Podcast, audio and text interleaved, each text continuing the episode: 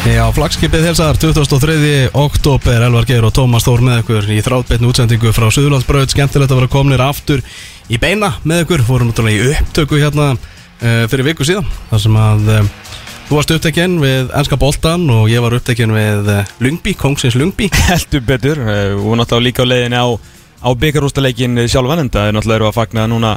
Sko við erum ekki, dag erum ekki bara að fagna fyrsta vetrardegi sem er auðvitað fyrsti lögadagur að, að lokinni 2070 viku sumars Er fyrsti vetradagur í dag? fyrsti vetrardag, Ah. já, já, menn, þú veist að fyrsti hérna, vetrardagur er náttúrulega fyrsti dagur vetrar mánaðarins górmánaðar Auðvitað veit ég það, já Já, já, við náttúrulega erum ekki bara hér til þess að fræða ykkur í fótbolta Þetta er líka svolítið um svona gamla og góða tíma. Þetta er sér íslenskur þáttur.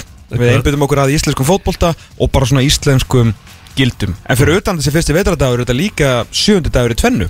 Ah. Vikingstennunni sem sagt. Vikingstvenunni, henni, henni frægu. Og við ætlum við með túnfæður góðskil í þættinum í dag því að Við, vond sko því að við erum á lögatum Mm. sem er, þú veist, gott náttúrulega fyrir fólki í landinu. Hann geta, þú veist, eitthvað svona farið út í lögadaginn með okkur í, í eironum og eða tekið okkur eftir helgi ráða, sko. Já, En þegar það eru svona stórir punktar, þú veist eins og Víkingur Íslandsmeistari eða bara hvaða lið sem er Íslandsmeistari, það verður alltaf Íslandsmeistari á laugardegi, sko, Mhm. almennt e, alltaf ekki, og klón 2 Verður þetta Íslandsmeistar í beitni á X-inu já. Re reyndar, reyndar, sko. já. en það er svona, og síðan eru Víkingar byggameistarar klón 5 síðasta laugardegi, sko.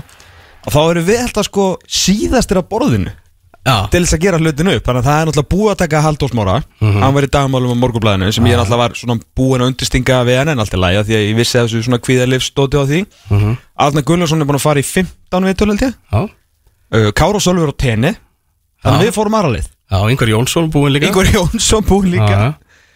Þannig að við fórum aðra leið og við ætlum að fara bara bak við tjöldin. Við ætlum að fara í Heimi Gunnlaugsson Manni sem er formaðið meistarlóksrað og er búin að vera hann að ja, starfandi bak við tjöldin og búin að vera í einsta ringja vikingum í rosalega, rosalega langa tíma. Og hann hefur bara séð þetta allt og, og veit nákvæmlega um hvað þetta snýst. Uh, uh, tók þátt í því að ráða Arnar Gunnlaugsson. Hann réð á Arna Gunnarsson Já, hann bara fann Arnar Gunnlaugsson. Það er alltaf að tala um að Siggi Raggi hafi fundið lagabak Heimir fann Arnar Gunnlaugsson. Nákvæmlega. Já, já, hann kemur til okkar á, á eftir og, og ætlar að, að lefa okkur að skikla svona svolítið bak við tjöldin hjá Íslands og byggarmeisturum Víkings. Og verður virkilega gaman að, heyra í honum því þetta er svo sannlega allir sem eru í fó fótbolta ringiðunni vita nákvæmlega hvaða maður þetta er en hann er ekki svona mikið út af við en þannig að við dróum hann hérna inn í, inn í stúdíóið hjá okkur. Já, það verður virkilega gaman hérna, fyrir ykkur að hlusta á þetta því að áður en að var sko stjórnamaður þá var þetta maður sem að stopnaði ásand uh, sálubróður sínum og besta vinni Guðjóni Guðmundsinni þó ekki Gaupa uh, náttúrulega Berserki, stuðningsmannafélag á sínum tíma. Þannig að hann er búin að fara úr því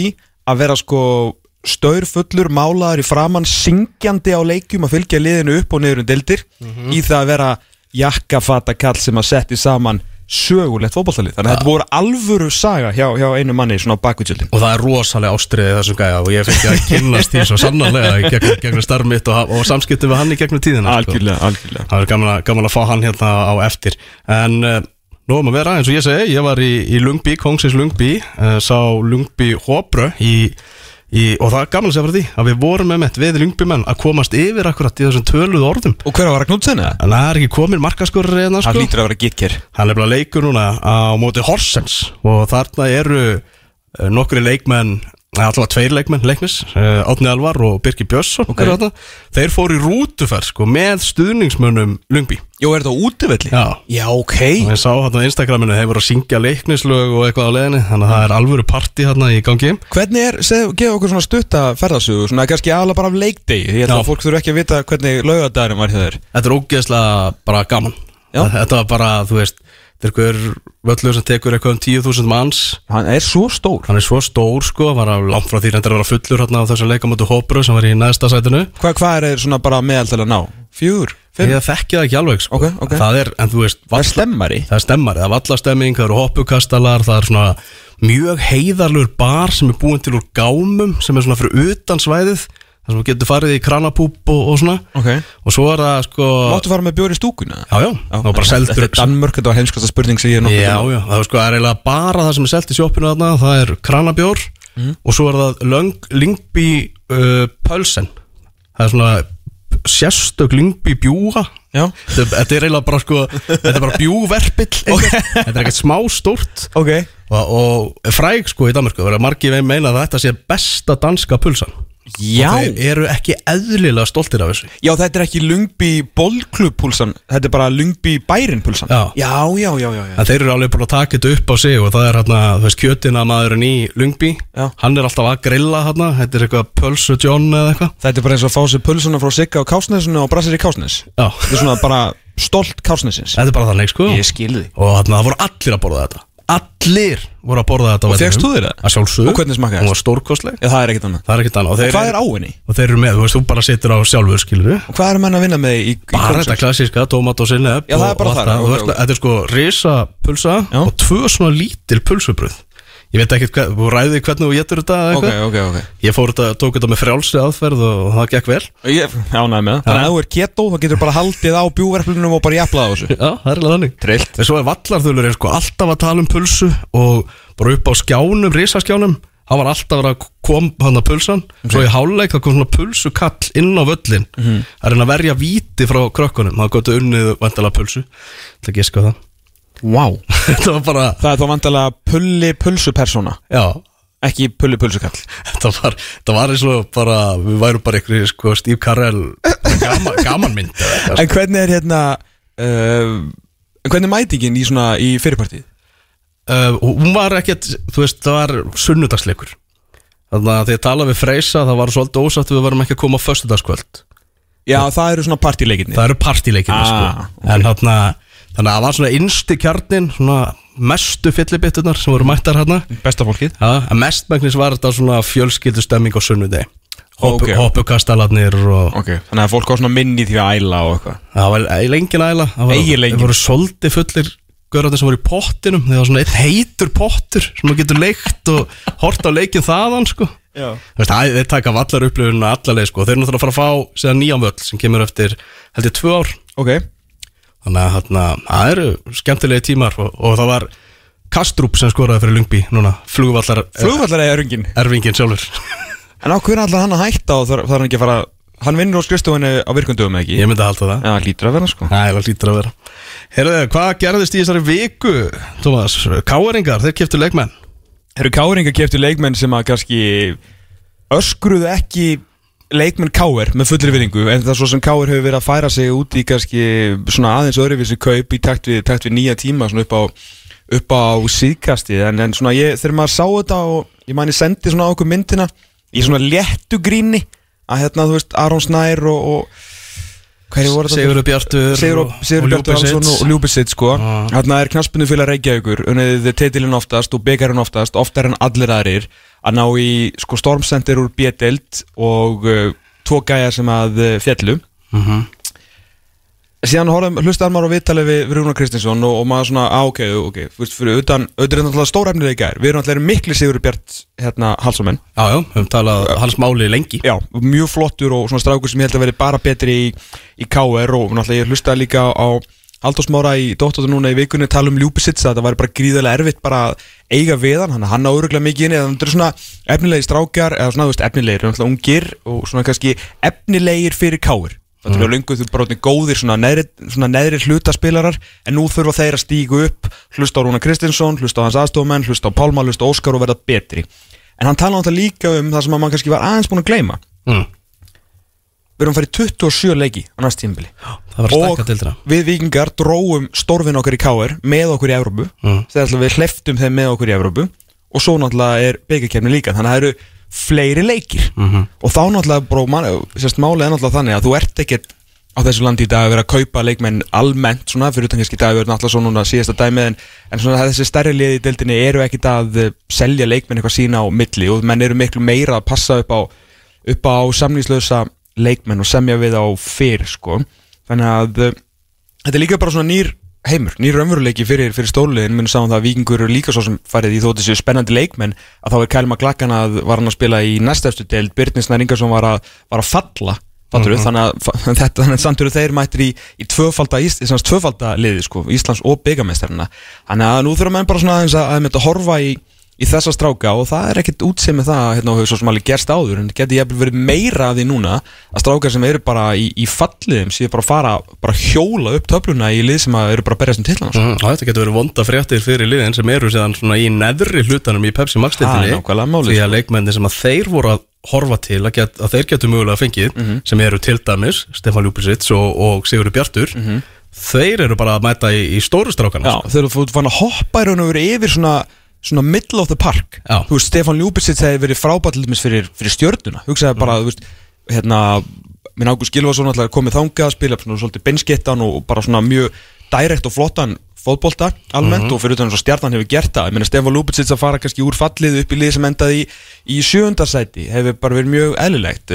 Saman með Sigur Bjart, ég að þú veist Vestmanni er, eitthvað svo liðs, mm. sem er bara að koma upp taka, Já, nákvæmlega. Getum alveg notað þann Jó, og hérna, leiknismenn líka. Jó, hérna, liðins, eins og segi En Þeir eru ekki einu svona að fara hérna upp í upp í svona middle of the park heldur eru bara núna bara Sigurður Bjartur, Birnisnær Ingarsson Aronsnæri Freiriksson uh, hérna, Kalma Klakkan þeir eru komin í tvö af þrejum bestu liðum Íslands. Það er bara þannig sko Þannig að með við bara, en töfluna eins og hún var sko. Já, nú, eru, nú þurfa, þarf að stækka hópana. Við ætlum að fara með betur að ekki allir sem eru búin að gera sér almennilega grein fyrir því að við séum að öllum líkjendum að fara í 27 lið, hérna leikjadeild 27 umferðadeild á, á næsta tímabili. Við ætlum að útskýra það betur á eftir þegar við fáum heimi hérna. Við ætlum aðeins að ræða um hvernig fyrirkomulegð verður á næsta tímabili. Og ég eins og ég segi, ég fór til Kongsens Köpenhavn og ég talaði þar við Danni því að þetta er danska leiðin sem við erum að fara þetta fyrirkomulag er í dönsku deildinni sem við erum að fara að taka upp á, á næsta tímabili. Að skiptin eða þess tvískipt deild eftir tværum fyrir. Já, ég ætla að, að ræða það betur á, á eftir. Ok. Uh, Gústi Gilva, hann tók við stjörnunni. Það, það fór þannig uh, um leið og það var ljóst að Þorvaldur Örlegsson var komin í, í skrifstofustarf mm, þá var komið strax fréttur um það að Ágúst Gilvason hefði mætt á fund. Var í búin á funda. Þannig að þeir búin að ræða, voru búin að ræða við hann í gegnum þegar allt þetta ferli svo einhvern veginn lítur út fyrir að það hefur verið sett á hold þegar þeir hugsaðu, heyrðu, hér er möguleika því að við fáum heimi Hallgrímsson Já. en endanum var það ekkert úr því Hvar var þetta svona Jón Þór hann inn á milli? Var, var þetta keppn á milli Gústa og Jón Þórs? eða? já, þeir verðast hafa bara verið einhvern veginn að að funda með mönnum sko. Ok, ok Og allt í, allt í góðum að gera heyra eins marga skoðanir og menn að selja sig í, í stórklúpi svo stjörnuna. Nákvæmlega Ágústi talaði um það þarna, þegar hann fekk séðan jobbið, hann væri bara mjög svo stoltur af því að hafa fengið þetta starf og, má svo sannlega vera það. Já, algjörlega náttúrulega bara frá þeir komu upp bara 2009 hafa verið bara algjör fyrirmynda klúpur mjög uh, magnað Íslandsmeistaratitil, byggamestaratitil, lofan og það uh, endalustu að Evrópu verið eitt svona liði sem hefur skorað flestu mörkin svona í gegnum tíðina þráttur að tröppugangurinn hefur svo sannlega verið niður og við núna undarfærin ár meðal annars út af já bara alls ekkit uh, sérstökur í krútment og, og núna voru meira þess að komnir aftur í einhverja bingolotto og útlendinga sem að voru nú ekkit að, að gangu upp og svona rosalega morkin og skrítin stemning í, í garabænum sem að það svo sem ekkit eitthvað að tyggja aftur og aftur upp og tala um þetta núna síðustu 5-6 mánuðina. En þetta þú veist, það er alveg verkefni fyrir, fyrir Gústa sko, hann getur svolítið alveg stimplað sér rækilinn og hann fær liðið svona á ákveðinu nullpunkti þannig sko. Mm það, þarf að, að versla rækilega inn og svona aðeins að set búa til eitthvað nýtt mót fyrir þetta fyrir þetta stjórnulega að það ætlar að fara aftur upp í það hæðir sem að það hefur verið bara núna undanferðin áratug sko. En má ekki segja það samt, þú veist, með ráðningun og Gústa þau eru ekkert að fara samt, taka ofstórt skref, þau eru ekkert að fjarlægast allt og mikið svona því sem að Rúna Páll hefur að gera í, í, í Garðabæn. Nei, alls ekki, að mörguleit mjög, mjög svipaðir svona þjálfarar uh, bara mjög svona beinskeittur og bara mjög ég, ég, veist, ég veit ekki hvað þetta einfalt sé eitthvað ljótt orðið með það ég, þannig, að, veist, ég líti á einfalt sem bara mjög, mjög fínan hlut og mjög, mjög skýr í sinni stefnu það veit allir hvernig fótbolta hann vil spila og svo hefur hann það orð á sér að vera einhver svona albesti mannmanagerinn bara í bransanum, en það er náttúrulega frábær, frábær kall og kannski líka eitthvað svona ég maður ég talaði við stóran leikmann í hérna breiðbrísliðinu á sínum tíma þegar hann kom inn eftir, uh, eftir Mílos að hérna að hann gerði bara eftir að Arnar og Mílos var náttúrulega búin að úst, mjög svona krefjandi og, og kannski á stundum erfiði þjálfarar. Að hérna Augusti kom inn og þeir gjössanlega dýrkuðan frá fyrstu sekundu því hann bara það var eins og svona ítt á takka í breiðbrísliðunum og bara svona losaði svolítið um andrúnsloftið þannig að það er líka kannski eitthvað sem að stjarnan þarf að gera og ég er svona nú svolítið bara spenntur fyrir þessa ranningu hann sko. Já, við þurfum að fara að ringja í Gústa á pallin og, og nákvæmlega. heyra það síðanum. Nákvæmlega. Heyrðu þarna Siggi Raki, eitt með Keflavík, þetta er náttúrulega ekkert sem að kemur óvart, hvað var það, júni eða eitthvað sem við byrjuðum að tala um það, að það var alveg ljóst að svona, þetta var ekki alveg að ganga fullkomlega þetta samstarf tveggja þjálfara kerfi, milli Siggi Raka og Eistins Húna, að þeir væri bara einhvern veginn svona ekki alveg að dansa í sama dansin. Nei það var náttúrulega strax bara í, í fyrstu leikjum mótsins þegar að vera að gera grein frá því að hún er hennu ekki mættan í einhver tíma og þeim er bara sinnast alveg svakalega og þetta var nánast já þetta var nánast döðadæmt frá þeim tímapunkti að því virtist því að þeir eh, einhvern veginn að með það sem maður heyrði úr keflaðið þá náðu þeir aldrei einhverjum alvöru sátum og í ljósi þess í raun og veru hvað eh, menn í tveggja þjálfara kerfi voru bara ekkert að ná saman er eiginlega kingi magnað að þetta lið hafi haldið sér uppi? Þú og bara og vel gert að hafa þú allavega að geta skóplað svona mestu erjónum uh, aftur fyrir sig og, og sendt verkefninu af svona bara miklum uh, hérna að miklum heilindum og, og gert þetta vel því að þetta keflaðíkulið er ekkert eitthvað það gott að þá komast í gegnum það að hérna þjálfararnir, bara samþjálfararnir séu bara ekki að stíga sama dansin Já. en halda samt sæti sem í dildi já, við erum taka fram að þeir voru samt ekkert óvinnir Þeir Nei, nei, nei, nei, Þeir, þeir gerðu bara- sér bara alveg grein fyrir því sjálfur Já. að þeir voru ekki alveg á, á, á sömu leið með þetta Já, alls, þetta var ekkert eitthvað Lehmann, Oliver nei, en en, en, en, þú veist, þeir voru samt ekki þú veist, annar var í Foxtrot og hinn var í Jive Já, sko. en þeir verða að tala um Eisteinn Húni er núna í viðræðum við keflaðið um að fara í starra starf hjá þeim í gegnum afrækstjálfunina Ef þeir eru ykkur óvinnir þá bara var, var það ekki þannig sko. Nei, nei. og fá náttúrulega annan skilur annað aðra góðsögnin til þess að hjálpa til og eru bara múin að sapna svolítið svona, svona smá Ajax-fílingur yfir þessu þú veist Jónas Guðni er löngu komin hann í frangöndastóra starfið og svo hérna uh, að halda hún honum sem ég veit að hann er ekki úr kefla eigun og samt verið þarna og, og hefur átt mjög góða tíma þarna og, svona, og síðan Halli Guðmunds komin í, í aðstofafjálfarstarfið sko. þannig að hérna já, bara flott sko Já, virkilega flott Þetta er búin að opna fyrir heimið uh, Er hann að dingla það? Já, Já, þú erum að fara að hleypa honum að hérna. Herðu við ætlum að taka okkur smá hlið með að við komum heimi Gunnlaugsinni hérna fyrir hjá okkur. Ætlum að ræða við hann eftir augnablík Við setna í þættinum þá er einnig umræðu um enska boltan það er náttúrulega risaleikur á morgun þegar Manchester United og Liverpool eigast við. Uh, Hátæðisleikurinn það er komið, er komin hálfleikur þar. Það er við reiknum Chelsea og Norwich þar sem að Já, það heldur áfram að ganga allt á afturfótunum hjá nýluðum Norreits 3-0 fyrir Chelsea í hálfleik. Þrátt verið þessi sóknar manna meðsli hjá Chelsea mönnum þá eh, hafa þeir ekki verið vandrað með að skora mörk á móti nýluðunum Mason Mount, Callum Hudson og Dói og Rhys James með mörkin fyrir Chelsea. En tökum okkur smá hlið og svo er það eh, Heimir Gunnlaugsson hérna með okkur eftir smástund Þetta var lagið Rauða ljósið með Sign, risastóra fréttir af Sign sem að bárust núna í, í vikunni því að þeir eru að fara að koma saman aftur með tónleika í Yðnó 27. november og Tómas við ætlum að mæta þangað það sjálfsög Þetta er húsband þáttarins þannig að við annað þurfum að að mæta. tveimur náttúrulega Já, miðasalega hefst 1. november á tix.is Þetta var náttúrulega bara, já, fréttir ásinn sem að bárust núna í vikunni. En höldum áfram í fótboltanum því að hingaði komin gestur þáttarins Heimir Gunnlaugsson, formaður meistarflokksláðs á Víkingum er hingað mættur í hús. Þú ættir að vera í þessum hljóðnum að velkomin Heimir. Já, takk og takk fyrir að bjóða mér. Já, takk fyrir að koma og Afskaplega gaman að þig. Það eru til aðmyggju með bara síðustu vikur. Uh, bara þetta hlýtur að vera og er, vantarlega fyrir þig, bara draumi líkast ef við byrjum á byrjunni árum við förum á, á upphafið? Já, þetta búið að vera algjör draumur og eitthvað sem maður gæti eiginlega ekki sé fyrir þegar ég væri að segja ósatt að ég myndi halda því fram. Ég þarna ég held að sé bara, við sem ekki alltaf búin að ná því alveg hversu stórt þetta er. Þetta er búið að vera bara algjörð æfintýri og maður ennþá að klípa sig Já, þetta er svona, er svona svolítið þannig. Ég held að kannski hefur ekkert farið fram hjá hlustundum þáttarins í gegnum tíðina að ég sérst held með vikingi Ú. og hérna varum við að tala við, við uppfyldisbróða mér Einar Guðnarsson í, fyrra dag svona sem að hann er svona rétt átt að sjá þessu núna sko. Sendi mér einhverjum rosalega dorand og hann er svona sjálfur bara í einhver svona tilfinningalendingu núna sko. Hérna, og með ég sem stuðningsmaður fatt þetta allavega ennþá sko. Hvernig þú veist er þá forma meistarflósraðs, þjálfarar Halldórsmári, Kári, Sölvi þessi leikmenn sem þetta skiptir veist, mestu máli sko. Ég held að það sé það sama hjá þeim öllum og svo er það líka þannig að Arnar og Kári eru strax byrjað að hugsa um næsta tímanbílum að færa eiginlega ekkert, ekkert tíma til að láta þetta sökvinn og ég held að það verði bara einhvern tíman í jólafríinu. Já, Það er eiginlega sannig Þannig. Að hvað ertu búin að vera lengi með svona puttana í, í, í Víkingi? Um, ég er búin að vera í stjórn síðan 2006 og í meistarflokksræðinu síðan 2007 þá líklega en svona viðlóðandi félagið meira og minna frá árinu 2000 mm. Hvað var fyrst þú komst 2000? 2000 var það vikingu.net og svo frá 2004 fórum við í stuðnismannafélagið mm og já, frá 2006 er ég búin að vera samfleytt í stjórn knatsmyndu deildar mm. Og svona já, tekinu raun og veru bara úr, kjarnanum inn í stjórnuna bara fyrst þú ert alltaf þarna og er alveg skott og gerir eitthvað meir en að, en að bara syngja og tralla Já, já, og þarna ég svona, tók komur unglega hreyfingunni, ég var búin að vera að rífa kjáft þarna og svona og ég held að menn voru bara þreyttir á því og vildu freka fá mig með sér í lið.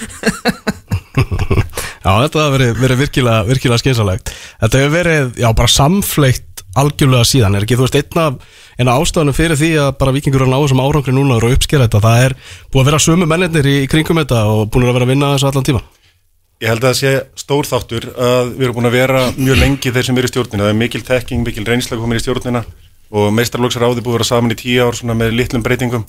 Og Hötti og Siggi er verið að nefna þá þeir eru búin að vera þarna allan tíman. Og jú, ég held að það sé, það má ekki vannmeta þann þátt. og það er náttúrulega, þú veist, þeir eru búin að halda líka í neistan, í ástriðuna bara allan tíma það er aldrei komin einhver dofi eða hvað? Mm, nei, þú veist, þetta var náttúrulega rosalega erfitt á þessum árum sem að var ekki tilneitt peningur og, og í rauninni snýrist þetta starf bara um að svari síman og slökku elda og útskýra okkur gæti ekki borga réttum tíma og svona sko. Þannig að það er alveg skemmtilegri hluti sem langar að gera í sjálfbóðavinnu en neistin var, jú, alltaf til staðar af því að bara þessi menn eru svo metnaðaföldi sem eru með mér í þessu að maður trúði alltaf að myndum að lokum gera eitthvað stórt. Mm hvenar, hver var erfiðasti tíminn á þessari leið, hvenar svona blés mest á, á móti ykkur? Sko það blés mest á móti árið 2010 þá, þá þurfum við að fara í þjálfur uppsögn rétt fyrir tíðanbill erum með dýrtlið, ætluðum okkur mikið. 2011 ekki? 2011 fyrir ekki, Já, þá já. fórum upp 2010 þannig, að, þannig að þetta gerir svona yfir já, veturinn 2010-11 og endar á brottreikningu þjálfara 2011 og um, það var þá leifur sem fór þá og við tökum inn Bjarnólu og Tómas Inga.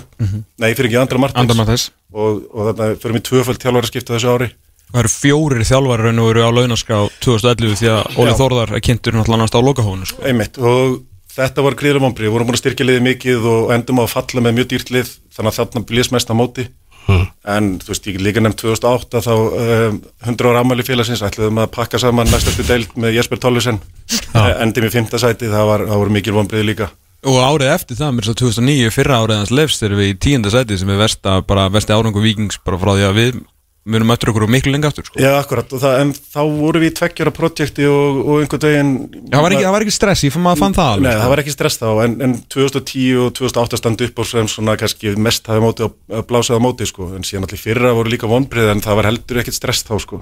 Það er alltaf einhverju menna svona, til hliðar sem eru alltaf að rífa kjaft og eru með skoðanir og, og vita betur og, og allt þannig.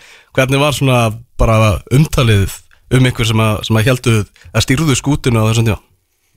Eins og 2010. Já, Ég hef aldrei fundið fyrir neinu slæmi umtalið, þú veist, auðvitað eru leikmenn pyrraðir sem fá ekki borgaður réttum tíma, þjálfarar sem að landi fara er að pyrraðir, en, en mér finnst félagi alltaf að hafa staðið með okkur sem er um að vinna í þessu.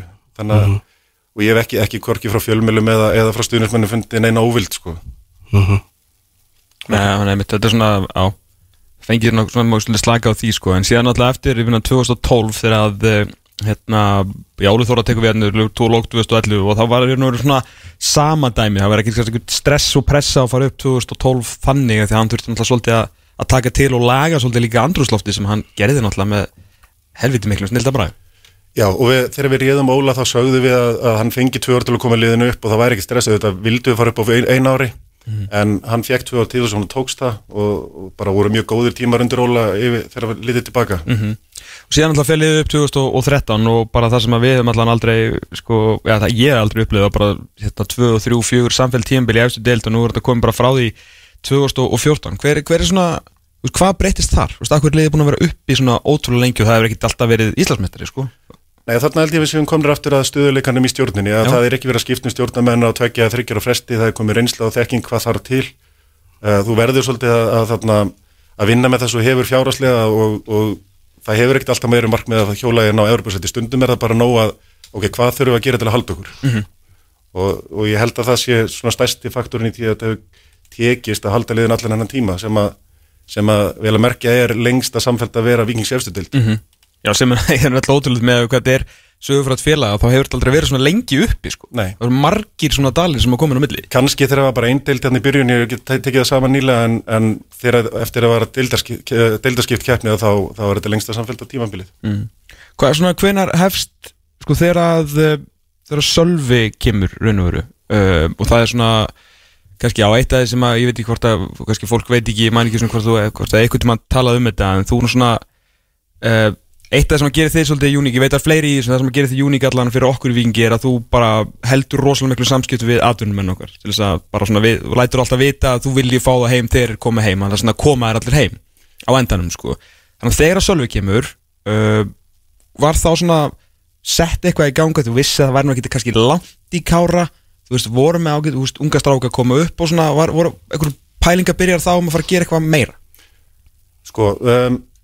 já, ég, ég veit ekki hvort ég sé miklu samskiptu við það, ég reyni alltaf að láta vita á okkur reglulega. Ég, yfir, yfir ferilin hjá Sölvi Kára þá var ég alltaf að taka símtölu við hann að slægið og það var svona ljóst að Sölvi væri, það væri stutt í hann kæmi heim, þá, þannig að ári áður þá hittu ég og Lói Jólasan, uh, tókum hann í kaffi og rættu svona möguleikana að hann kæmi heim. Ég var ekkit alveg 100% vissum að, að þarna Sölvi myndi velja vikinga ef einhver annar myndi bjóða henni miklu betur. Ok En eftir samtali við Sölva þá var ljóst að hann, hann langaði þetta mest og þannig að við heldum góðu sambandi við hann allt árið. Og ég vissi það svo sem, og ég, ég var líka í samskiptu við Kára en Kári var alltaf mjög afdráttalus um það að hann ætlaði að koma til okkar. Ok. Og svona ég fann það á Kára að eftir að Sölva komin þá var það að fara að kýtlan meira að koma. Já, já. en það var ekki, það var, við vorum ekki að hugsa þannig verðum að landa Sölva og Kára af því að þá verðum við meistarar. Það var bara, það bara okkur fannst að við þegar þeir myndu klára ferilinn og þeir getur kent okkar ungu mönnum alveg helling en auðvitað eftir að þeir voru komnir og svo þegar það bætast við allir þessar ungu leikmenni Arnari og Ingvar Jónsson og talangum Pablo Puniet þá, þá gerir okkur alveg grein fyrir að við munum vera að berjast um þetta. Já, þú, þú held það alveg? Já, já, Ok. Eða, þú veist, ég, auðvitað þegar ég horfði á tíðanbili núna það bara þrjú Evropasæti í bóði og Valur og Breiðabling með gríðarlega sterka hópa að þá fannst mér langsótt verið míslæsmestarar en mér fannst að vætum að geta veitt um mikla keppni. Ok. En það er þannig að þú þér á svona spárna voru allt svona sjötta og sjöunda sæti var svona Vantarlega finnst það svona skiljanlegt og kannski þú kannski vissir meira eldur en aðrir eða trúðir meira eldur en aðrir Þú veist það, Tómas, að við, aðna, við tölum alltaf um þetta á hverju ári, hvernig liðinu muni ganga og þér finnst ég alltaf að vera allt og bjart svít og þú ert alltaf allt og svart Rétt.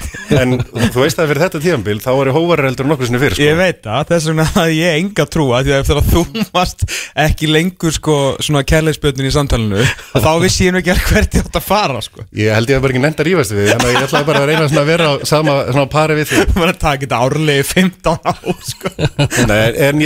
að að ég ætlaði bara að reyna svona að vera á sama svona pari við þig bara að taka þetta árlegi 15 á Nei, en ég, þú veist, ég væri alveg ef ég segði það að ég hefði trúið því að við erum Íslandsmeistari í luktíðanbils en, en ég vildi að við værum hann í topp þreymara því að það væri Európa-sætin. Það var svona, og mér fannst það alveg rauna eftir en ég gerði mig líka grein fyrir að FA og KR voru hann líka, sko. Já, já.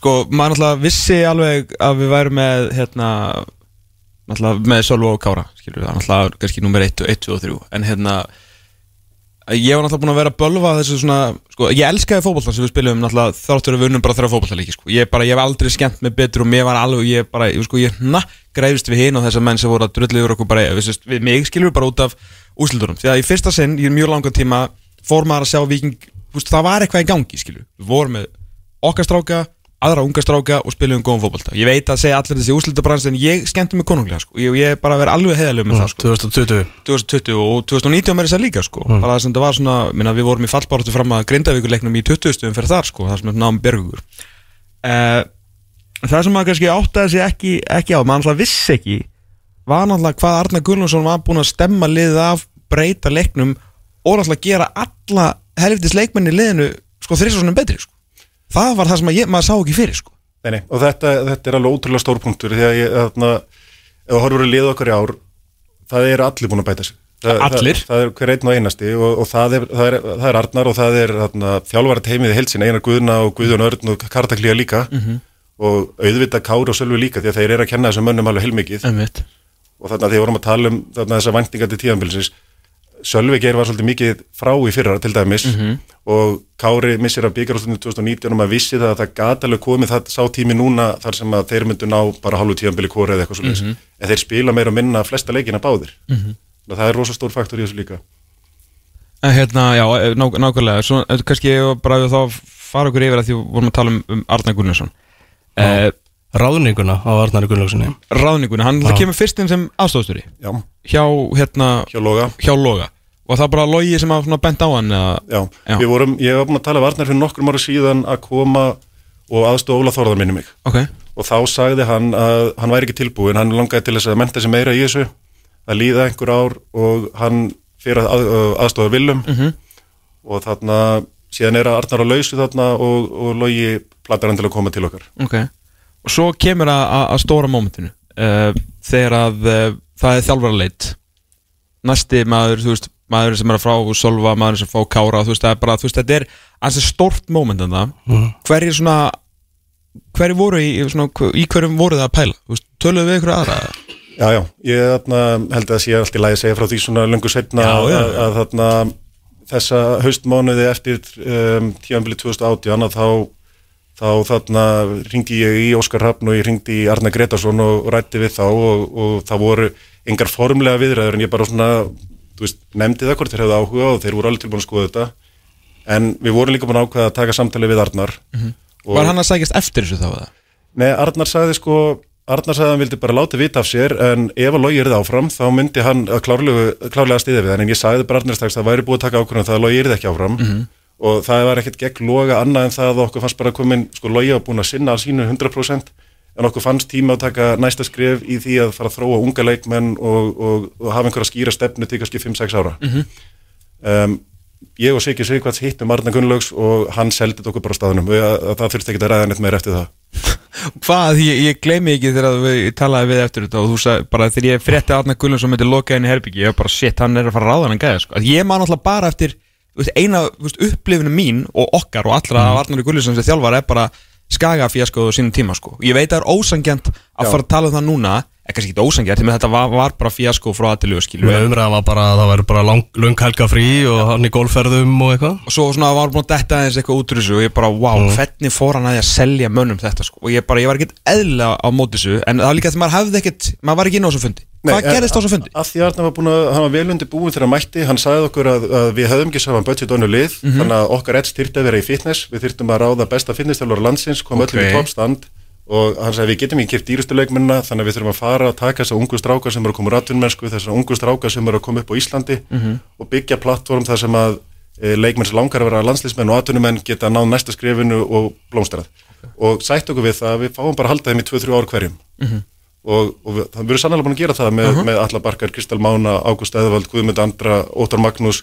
Og þetta er bara líkillin í þessu sko. Og, og, og það held ég að sé þess vegna sem að, að þeir eru að banka dyrnar hjá okkur þessir ungu efnilegu sem vilja komast áfram að þeir eru að banka dyrnar hjá vikingi og vilja koma að æfa hjá okkur. Þeir bara sjá hvað er að gerast, það er ekki, ekki flókið. Nei, nei, já, já, en það, það... ég er að segja, hann seldi okkur mjög skýra sín já, og, við vissum alveg að þetta væri á þetta. En þetta er kannski fyrsta sinn sem einhver þjálfari svo ræði við býður upp okkur að sín Þannig með, veist, auðvitað hafa allir þjálfara skinn eitthvað smá sín En svona, þetta hlýtur á öllum þínum árum vera svona Svona kannski stærsti og svona eftirmiðlegasti fundurinn Já, út af því að Arnar er að koma inn í fyrsta stóra alvöru kikið sitt Mhm. uh, þegar þú sest niður með Loga Ólafs eða Óla Þórðar eða Leifi Garðar þá veistu fyrir hvað sem menn standa Algjörlega þannig að þeir þurfi ekki að segja mér neitt ég veit alveg hvað þjálfari er ráða Mhm. Arnar þurfti að segja mér hvað ég var að ráða ef ég var að ráða hann Já, já hvað, hver voru fyrstu skrefin, svona, veist, eftir að, eftir að hann var ráðin Hvað laði hann svona mesta áherslu á þessu? Hann, hann sagði það að hann væri tilbúin að fórna því að hafa aðstofþjálfara til þess að fá dýran fitnessþjálfara í rauninni bara fitnessþjálfara í því sem næst fullstarf Ok, þannig að það var fyrsta skrefið að, að, að tryggja okkur guðunörn ok. sem er búin að vera með okkur síðan. Og um, næstu skrefin voru í rauninni bara að fara að tala við alla umbúsmennina og sjá ok, hvaða strákar eru að koma heim og að skoða hver eru veikleika liðsins, hvað getum við gert til þess að styrkja okkur til þess að, að, að ge- geta unni með þetta koncept að spila hennar high intensity, high pressure bolta og að spila þarna út frá markmanni sem gerði fyrsta árið sérstaklega. Mm Ok. En svo er það með talandum, talandum leikmennina hérna, mikið verið skotið á ykkur og okkur fyrir að hérna, náttúrulega Bjarki bróður hans náttúrulega er, er, er umbósmaður og þetta verður svona, ég talaði um þessi mjög þægileg svona lánalína hérna beint í, beint í þá stellar Nordic eins og þetta heitir í dag. Fór það í svona töðunar umræðin og er hún, er hún, þú veist, á hún rétt á sér? Nei, hún er ekki, ja, sko, hún fór í tögunar á mér af því að ég er í miklu meiri samskipti við Magnús Agnar og þetta talar Arnar við bróður sinn en Bjarki hefur hringt í mig og sagt bara að hann er svo jálega mjög pyrraður á þessu af því að auðvitað gerir Bjarki það sem best fyrir sinn umbjóðanda hverju sinni. Mhm. um, stundum er það að setja hann í viking en hann, ser, hann stellar með bara öruglega hundra leikmenn þannig að þeir eru með leikmenn í öllum liðum. Mhm. og ég tala ekkert sjaldnar við Óla Garðars eða, eða aðra umbúsmenn heldur en stellar sko. Nei Það var enda mjög fyndið þegar þetta umræðin var í hámarki og þá voru sko fleiri leikmenn frá Óla Garðars í Viking heldur en sko Stellar sko. Já og það var líka verið að segja bara ranga hluti, það var að segja Július Magnússon og, og fleiri leikmenn Alli Barkason var að koma ekki inn í stellar, þeir voru komin ekki inn í Óla Garðars. Það er nákvæmlega, nákvæmlega. Þannig að ok, en þetta, svona, þetta, þetta nuttaði aðeins á þenn tíma. Nei, veist, og mér fannst bara fínt að menn væru að velta sér upp úr þessu en það póri tögutunum er þegar að vera að segja hluti sem voru ekki réttir. Já, já, já, ok, ok, ok En Olgusjórin hann í 2020 þetta skrítna tímabil, COVID tímabilið eh, var bara, þú veist blikkuðu aldrei auga, bara gegnum þetta tímabil? Jú, þetta hafði maður áhugjur og, og sérstaklega þegar voru farin að síga svona neðalega mm. og og þarna, þetta voru vonbriði, liði fór svona með svona töff, töffaraskap inn í tíðanbilið og, og sérstaklega ungu strákarnir en líka þeir eldri voru bara svolítið kaldir að lýsa yfir að ætla að vera Íslandsmeistara fyrir tíðanbilið og það fór svolítið um okkur í stjórninni með það mm -hmm. að því að við vissum að það geti sprungið andlitið á okkur sem það gerði að því að bara það þurfti ekki nema þrjá tableiki til þess að allir var farinir að, flagga þessu mm -hmm. og, og það veldur og það líka þeir eru búin að setja svona hálitt markmið út á við og, og markmiði kannski fara eftir fimmumferðir að þá sekkur hjarta svolítið í þessum ungu leikmönnum og það hefur áhrifin í restina Já Mm -hmm. og Arnar sjálfur náttúrulega talað um það náttúrulega hreinskilnasti þjálfari landsins að þetta hafi verið svona mistök eftir á. Hvernig, en hann er náttúrulega eitt náttúrulega með Arnar það er hversu hreinskilin hann er og var ekki yngvið að tala um það á vísi að hann væri bara besti talsmaður íslenska fótbóltans bara í heiminum. Hann væri ekki flóknar að það. Uh, hann í viðtölum bara hvað hva, þú veist hvað hva er þetta að segja um þetta? Sko mér finnst rosalega gaman að hlusta á viðtölum Arnar, ég hlust alltaf á þau Mm. stundum finnst mér ekki að þurfa að segja frá öllu sem við erum að gera bak við tilbúin það er með tilbúin að þið spurja hann hvort við hefum gert tilbúið í einhvern leikmann eða hvort við séum að spá í einhverju, hann segir bara já við öllu og, og það kannski dregur stundum fleiri liða borðinu og það er ekkit æskili stað að vera að reyna að semja um laun en Arnar er bara frábær og, og þú veist Arnar bara segir ekkit ósatt hann Og, og þetta er bara hluti af sjarmanum við hann og, mm. og hvernig hann næru öllu með sér er það bara, hann er einlegur og opinn. Já, og segja frá því þegar hann gerir mistök líka, hann bara algjörlega opinn með það, ólíkt eiginlega öllum öðrum þjálfurum sem að anstæðingur er kemur um aldrei og vart og, og allt það, og bara Arnar mjög reynskilið með það. Já, já. Líkil, líkil púsli í sumar, uh, Vavalítið, uh, Pablo Punjet, uh, svona í stefnunni sem að ég veit að Arnús er búin að svona taka þetta en þá endanlega þurfti þú náttúrulega að hafa sambandi og það er þú sem að þurftir að semja um köp og kjöra því að þú veist þetta náttúrulega fylgdi faktist ekki stefnunni svona í, sem var búin að vera útgefin en af hverju Pablo? Sko, jú, þetta fylgdi stefnunni því að stefnan hjá okkur er að sækja unga og efnilega leikmenn sem við gert betri en við gerum okkur grein fyrir því að við byggjum ekki upp 11 manna byrjunalið á svoleiðsleikmennum, okay. þetta þurfum við uh, framúrskarandi leikmenn með þeim við, uh, sko, það væri fyrir utan stefnun að sækja 28 ára leikmenn til að setja á bekknum. Já, já. en að sækja svona markvaldar meistara og það sama við Yngvar Jónsson að mm -hmm. þarna og við gerum okkur grein fyrir þetta, við þurfum að sækja svoleiðis leikmenn líka.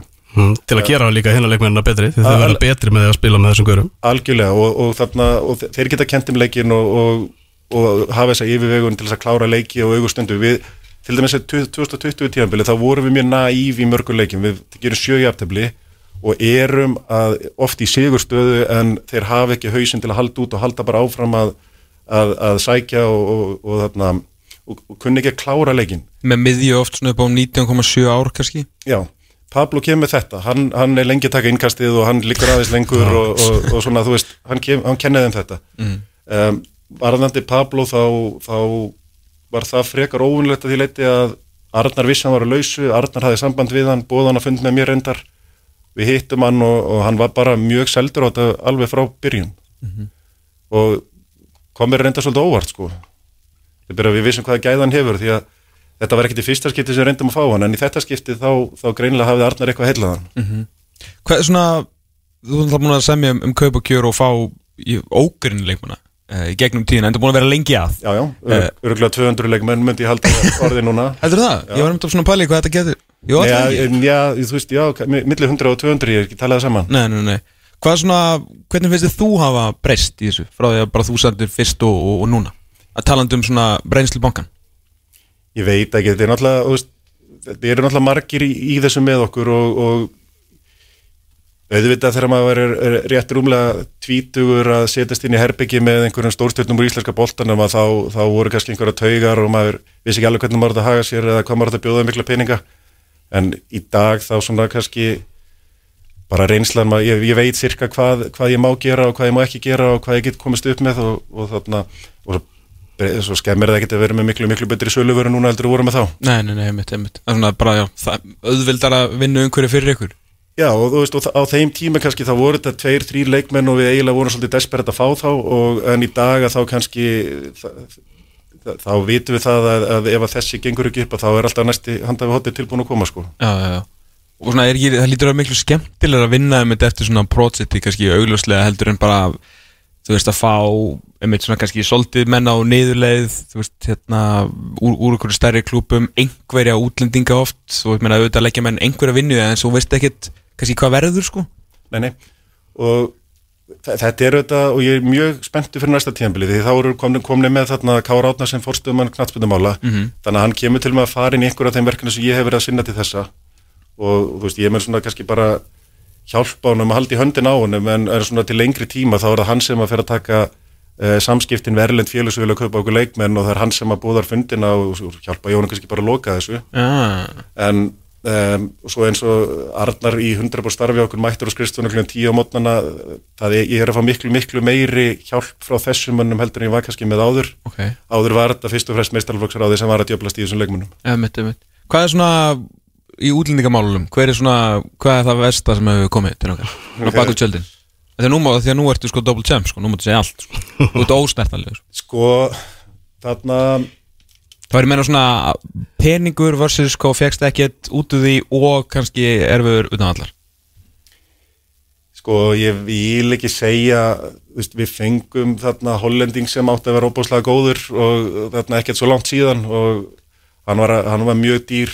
Þarna það, það, það var dæmi sem gekk bara ekki upp. Hann, hann er góðu leikmaður en hann bara gerði ekkert fyrir okkur og kostaði okkur ógrinni peninga en svo hafa komið svona leikmennu mitt tímabil svona panikkaup svona gennum tíðina líka. Annarkvært sem átti að reyna að að hjóla í topparótti í næstastu deild eða bjarga sér frá falli, kiftir einhverjur tveir búlgarir eða eitthvað og, og það hefur oft, oftar en ekki verið algjört fíasko. Já. Er, Hver er svona mestu vombriðin? Þú veist þá er ég meina svona eitthvað svo helst að myndi bara gera allt fyrir því og gera svo ekkert. Kemur enginn til Abdullahi, sko, Jú, Dennis Abdullahi hann, hann þarna hann, þessu 2011 dýraliði. Já, hann kemur og hann er að koma með gott svona uh, gott orðspor og er í utvitt og eins og landsliði Finnlands og, og hann fer með leikmennum í, í æfingarferð til Spánar og bæði er liðin sem við spilum á móti og allir leikmennir og Andri Martins sjálf verið að segja að þessi maður er bara í sérflokki að vera lang, lang bestur í Íslandi hann síndi okkur það einu leika móti FH að hann var alveg í sérflokki. Fyrir móti, já. Já, nei, nei, nei, í mótinu. Í mótinu? Já, já, hann spilaði svo algjör meistar í einu leik en við gerðum bara, þetta var bara algjört grín sko, hann fekk einhverja pent á síbúð og lækja á göttunni og, og það var bara partí og gaman fyrir svona títuðan strák sko. Einmitt, þannig að hann var bara í frí hérna. Ekkert eðlilega myndalegu líka þetta verið, verið mjög gaman fyrir hann. Já, þetta var bara mjög góð, gott svimafrí fyrir hann Ef við rínum aðeins í þetta tímabil, þetta sumar 2021, þetta var náttúrulega, já það komu raðahindranir svo sannarlega á leiðinni að þessum Íslandsmeistartitli hjá Víkingu. Hvenar var það sem þú fór náttúrulega meðal að skella móti blikum, tapið fyrir mínumönnum í breiðholtinu og, og fleira. Hvenar var það sem þú hugsaðir, er, það er bara raunhæft að við tökum þessa dolli, verðum bara Íslandsmeistarar. Hvenar á tímabilinu svona hugsaðir það? það var ekkert fyrir en sigurleikur á móti káur sem að ég, sem ég svona raunverulega trúði ég, ég var eiginlega viss eftir þann leik að verðum Íslandsmeistarar Já, en fram að því þá var ég bara að hugsa ok, við erum að fara að landa þessu öðru sæti já, þannig að já, það var ég, ég get alveg verið heiðalega með það að það var eftir káarleikin sem að ég trúði að við erum Íslandsmeistarar það er ekki fyrir í 2001. umferðinni. Nei, Nei, ákvæðlega Þannig að þú horfir svona fyrir þann kapla hvaða, hver er upp á sleikurinn fram að því?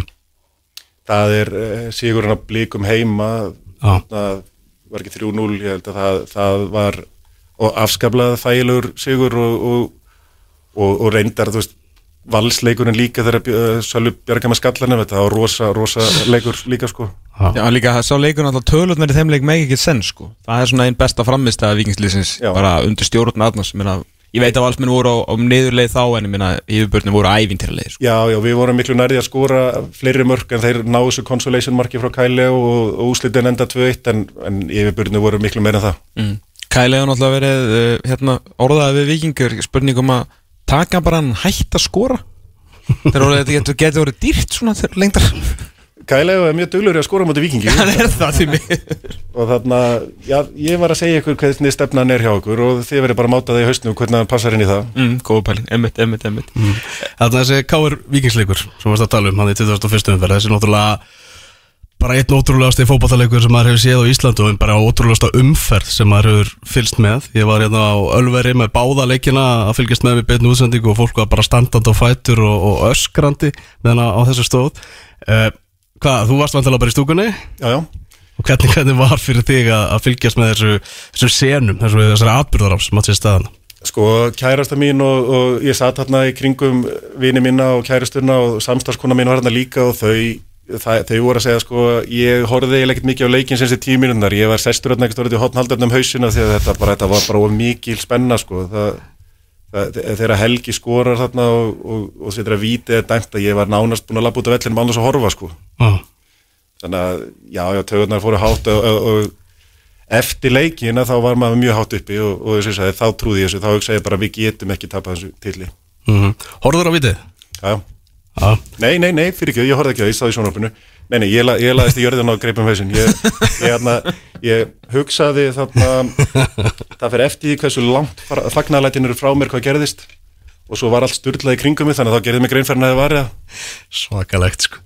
Líka, náttúrulega bara yngvar Jónsson kemur hann inn í lokin að náttúrulega, já, maður hefur ekki séð það áður að svona tveir markmenn spilir svona stóra rullu í Íslandsmeistaratilli ekki sem ég man eftir um, sko Ingar var búin að vera góður í vetur. Hann, hann átti kannski ekki sitt besta tíðanbili fyrir hann var búin að vera góður í vetur og hann átti að vera með þessa stöðu.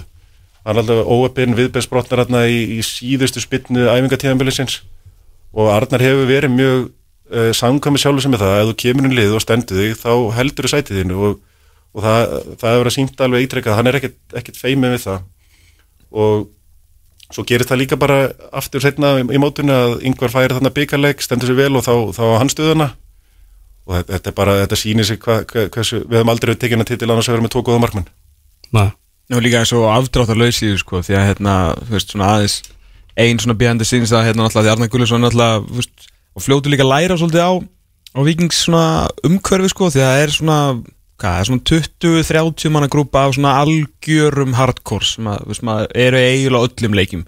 Síðan þú splittast þeir kannski inn í svona aðeins minni grúpur og eftir káuleikin í byggarnum að þá hérna fórum við nú hvað, eitthvað 12 eitthvað svona í smá á hérna og sprengi sandskilur og fengum okkur eitt bjór og maður er bara fagnað og bara eitthvað gott kvöld og gaman skilur og, og Arnar er hann svo flottur skilur hann skilur hvað það skiptir máli, hann, hann kíkti hérna, í eitt rauðvinsglas bara og hérna fór aðeins yfir leikið með okkur. Þurfti ekkert að gera bara, þú veist, ég held að, veist ekki þú sem baðst hann um að koma eða þú var frikkið eitthvað? Já, Nei, nei, ég, ringdi í hann og sagði það sætti aðal kallarnir á bakvið félagið, aðal stuðnismennir og, og Arnar, Arnar skilur alveg að þetta skiptir líka mál Al- algjörlega, kom og hérna, svaraði öllum spurningum menn hérna, höfðu hitt og þetta að segja og svo var ein spurningin held ég fór Raka Kristins bara hvort að yngvar er í markinu næsta leik? Við aldrei séð mann segja já, já, fljótt sko.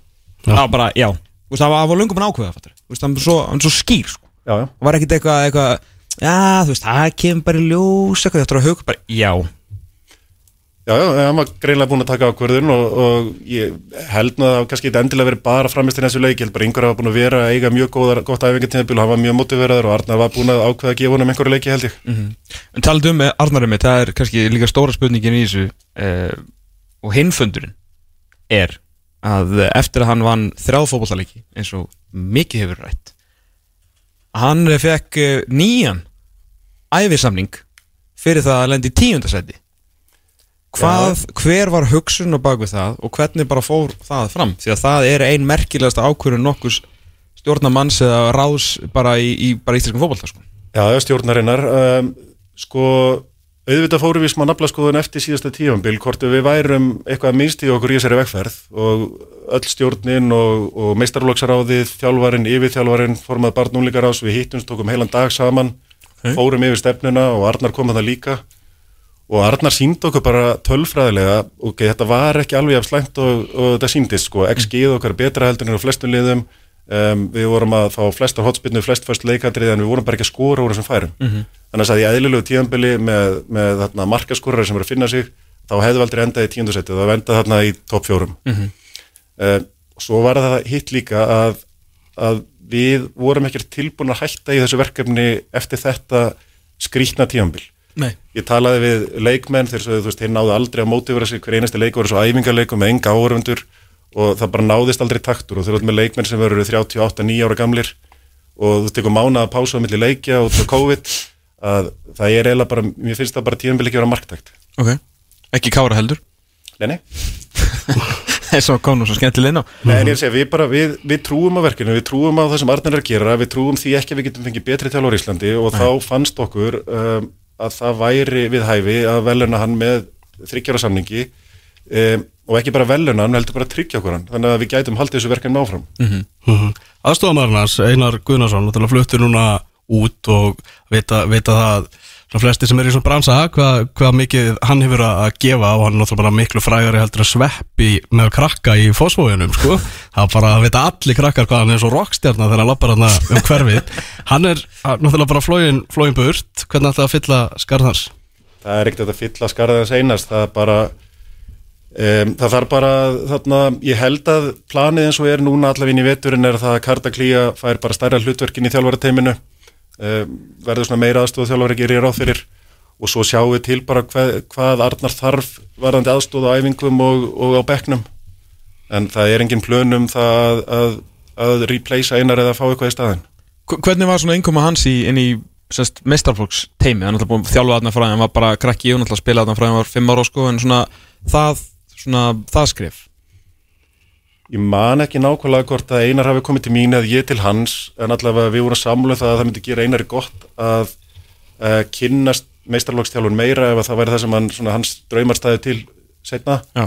og að Arnar væri maður sem einar hefði mjög gott að læra af Byrjar sem svona analystið ekki meir heldur en? Nei, hann, hann byrjar í raunin á því að að fá bara svona aðeins að vera með okay. og, og síðan bara gengur það vel, Arnar ána með hann, einar að finna sig í þessu en einar var náttúrulega bara með mjög mörg verkefni í félaginu þannig að mm. það var erfitt fyrir hann að, að, að sinna þessu þannig að hann endar á því að segja sér frá held í einum af yngurflokkonum og þá tökum hann bara inn á launaskrá sem aðstofa þjálfara inn í teimið og og hann er mjög vinsæl með að leikmanna líka sko þannig að þetta mm. er bara og sem gegn heil vikingur að, að, að, að það var aldrei spurning um að hafa sem hluta af þessu. Nei, og náttúrulega ekki sko fyrir utan hann hveður með sko tveimur deilum að það náttúrulega líka skoraðan Sitt, uh, ekki fyrsta markandi fyrir mestarlokk en skoraði á þessu ári sem er náttúrulega líni líka sko. Það er ótrúlegt.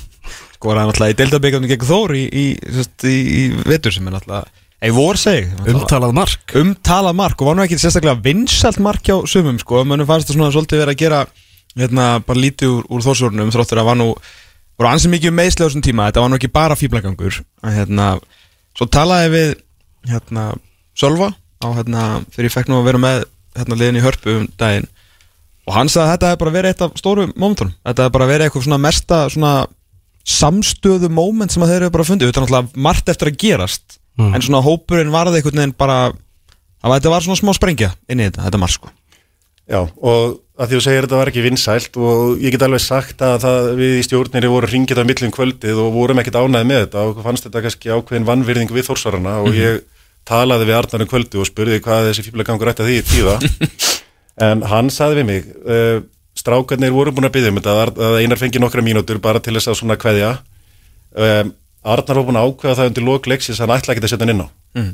en síðan bara meiðist einhver, ég man ekki hver það var og, það, sko. og allar skiptingabúnar þá segir hann ok, ég hendur hann bara inn á ég hef búin að horfa þetta mark nokkru sinnum og þú sér það hvernig Kára og Sölvi hlaupin á öllin og það trillist allt sko. trillist allt sko já, já. en þetta gaf liðinu rosalega mikið og, og strax um kvöldi eftir þennan leik var svona seinasta partíð sem þið fengið fyrir mót og getur ímyndaði hvað gaman hefði manni kvöldið þarna með með þetta í veganesti mm -hmm. Það verður nokkur partíinu að undanförnu þar með hérna á lögadagsvellinum náttúrulega síðasta lögadag þegar uh, vikingar unnu, unnu skagamenn ég horfði að þeirra leik bara svona með glefsum í gegnum síman hérna frá Kaupmannahöfn var þetta jafn sannfærandi og, og þetta leiti út fyrir?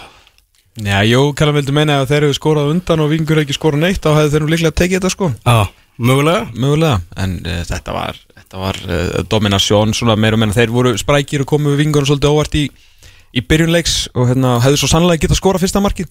Mm -hmm. en, en það var, sérst, annar liði var er best á Íslandi og hitt var í, í fallbaróttu þú veist svona út á vellinum, það var nokkuð ljóst með fullri veringu fyrir skamunum, það var bara vikingur betra alveg törvört Svo ég, ég ótaðist hann að leik uh, að því leiti til að ég held að skæin myndi pakka og er að bara elluðu bak við bolta sem þeir ákveð sem hann ger ekki og þá er ég pollróluður, ég get Ég hef sagt það við nokkra að, að þarna, ég hef aldrei verið af stressaður eins og fyrir FH-leikin enda 2019 í byggarnum og eða, nema kannski hugsalega fyrir leiknisleiki núna í 20. umferð mm -hmm.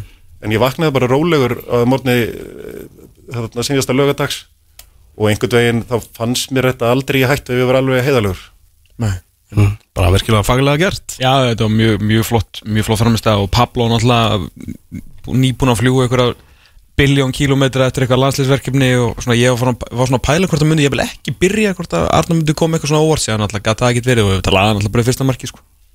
og Ellingur Ragnarsson sem að á aldrei að skora en eitt skora bæða móti leikni og bara pæla í þessu sko, og svo skoraði alveg báðum úrstæðalegjum sko. hann er þá mjög góður setna hlut tímbil sko, en svo líka í þessum tveimur úrstæðalegjum skoraði báðum Já, Elli bara loksins, það er allir búin að segja mig í mörg, mörg ár, núna er tímabil sem Elli verður að geta eitthvað þegar hann alltaf er einhvern tíman að dreyma um að fara í atvinnumennsku eða, eða, eða verða svona topp, topp leikmaður og ég myndi segja að það hafi gerst núna eftir miðbygg mótsins að, að Elli hafi loksins stíð upp sem þessi leikmaður. Já, Elli og, Elli og Kristall svona sérstaklega svona, sem eru svona sé bara verða frábærir setna hlutum móts Já, ekki gleyma Viktor Örligi líka. Nei, og á, Viktor- guð minn góður. Viktor Örligi skorar Frábær. mjög mikilvæg mörg og er, hann er loksins líka búin að sína það að hann á við fyllilega heima í þessu byrjunliði. mm.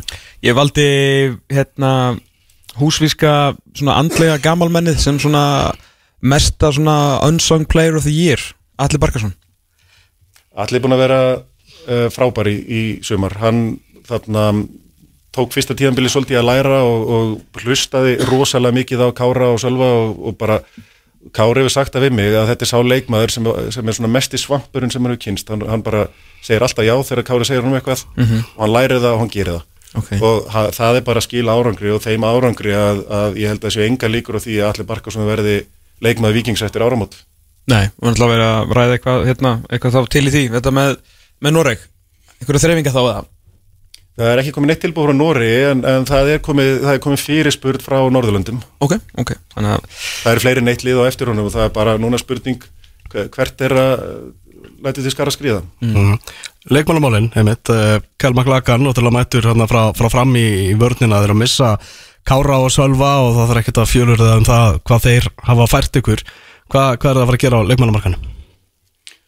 Um, náttúrulega eins og þið voru að tala um hérna áður en ég kom inn í stúdíu að þetta er lengra mótöldur en var síðasta sumar. Þetta eru 27 leikir í deild, hvað, alltaf 5 leikir í byggar, við eigum lámark 4 leiki í Európu og síðan erum við að fara þarna, spila í Skandinavíu móti á Spáni, það er öruglega allavega fjóri leikir þar, þannig að þetta eru miklu fleiri leikir heldur að spila á þessu ári, á dagatalsárinu, þannig að við þurfum aðeins stærri hóp og eh, við erum þegar búin að taka þrjá leikmenn, þetta er tveir hættir, um, ég, ég myndi halda að við tökum að lámarki 2, 3, 4 leikmenn inn í viðbót, um, Arnar er búin að segja svo sem hvaða, hvaða stöður það eru sem við þurfum að fylla, um, ákveðin skotmörk komin þar en, en tífi verður bara í ljóskort að þau, þau gangi upp að því að það er alltaf háð því að við komandi félög séu tilbúinur að láta það á hendi. Mm. Hvaða stöður eru það sem að handala? Ég held að við þurfum að, að, að bæta við okkur í hafsend og, og svo er hægri bakverðastæðan bara í loftinu því að Kalli, Karl Frið, Friðleifur er, er lánsmaður frá Breiðablík þannig að það er ljóst að við þurfum hægri bakverð hvort þetta verður Kalli eða einhver annar. Um, við eigum, eigum annan vinstri bakverð heldur en Alla Barkarsson í loga Tómasinni en ef Alli Barkarsson fer þá finnst mér nú líklegt að við þurfum leikmann sem getur spila þá stöðu. Uh, fram á völlin eru við nokkuð ánæðir við þarna, Arnur Borg og Byrnir Snær komnir þar inn og fyrir erum við með frammi Nikolai Hansen, Helga Guðjóns og, og Adam Ægi Pálsson og, og fleiri leikmenn þannig að ég held að við sem fyrst og verðist að horfa í þess að varnastöður Mm. En nú hugsa maður með Óttar Magnús Karlsson nú verðast hlutinir ekki alveg vera að ganga upp í honum á, á Ítalíu er á bekknum í, í Serious C eins og staðan er núna Getur við ekki séð hann í vikingstriðinu? Ég vona ekki, ég vona bara að hlutin fara að ganga upp hjá honum, ég sá að hann að var í byrjunliði síðasta leik og bara ótt er það góður að hann á að vera úti aðeins lengur sko, en, en ef að hann vill koma heim að þá standa þérna alltaf galónar í vikinni en nei, ég, ég ætla að vona að óttar bara þarna slá í gegn á Ítalíu og, og klára þetta seríu séverkefni og fá að spila hans herra. Þetta er náttúrulega markaður náttúrulega orðið svolítið skrítinni sem við vorum að tala um hérna fyrir ég minna að uh, Víkingat er búin að taka hérna tvo leikmenn úr, úr vel neðri klassa þá er ég minna liðunum sko neðst í, í hérna Pepsi Max deildinni og síðan efst í, í lengjudeildinni Káringan er að gera slíktið slíktið sama. Uh, þetta er svona, þetta er svona aðeins öðruvísi, öðruvísi veruleik ég minna þú veist, þú ert þú ert tvöfaldur mestari en þú varst samt að semja við uh, Gaur sem var að falla, ég veit veit allir hvað hann er góður fattur, þetta er samt, þetta er samt skrítið sko Er það? Ég, það ég veit ekki, sko, Kyle McLachlan var uh, að mörgum talin allavega einn af tveimu bestu hafsendunum í næstustu deild og sumir tala um hann sem bara einn besta hafsend á landinu. Við erum búin að senda menna að horfa á hann í nokkra leiki og, og við trúum því bara að miða við hans líkanlega eiginleika og, og svona hugafara, hann geti orðið góður hafsend í efstu deild. Þannig að og þetta var leikmaður sem var samningslaus, þannig að við ákvaðum að gera um samningstilbúð. Það var svo sem ekkert margir aðri kostir í stöðunni Byrnir Snæri svo segir, við allir hvað er góður og, og við teljum að í aðeins betra liði að þá muni Byrnir Snæri blómstra. Hann þarf auðvitað að bæta ákveðna þætti í sínu leik en, en ég held að undir handleyslu Arnars að þá mun hann bæta þessa þætti. Ætlar að fara eitthvað uh, ellendis, þarf að fara eitthvað ellendis til þess að fylla í eitthvað þessum stöðum? Það er hluta stefnun að við erum ekki með marga útlendinga, það er ákveðið þak á því og, þarna, og þessir útlendingar sem við erum með í dag eru nánast ekki útlendingar því að Nikolai er bara, er, er bara búin að koma sér fyrir á Íslandi um íslenska kærist og sama á við Pablo. Mhm. Það er rauninni bara hvað með sem er svona hreinræktaður útlendingur að því leiti að, að við þurfum að vera út í honum íbúð og, og hugsa um hann. Já, já, þú meinar, já, já, Já, þannig að það, og, og þá Kyle McLachlan núna en, en það, það er alltaf, alltaf síðasti kostur hann að taka útlending þannig að við munum skoða vel fyrst íslenska markaðin eða leikmenn sem eru erlendis og getur komið heim Mhm. það væri þá ekki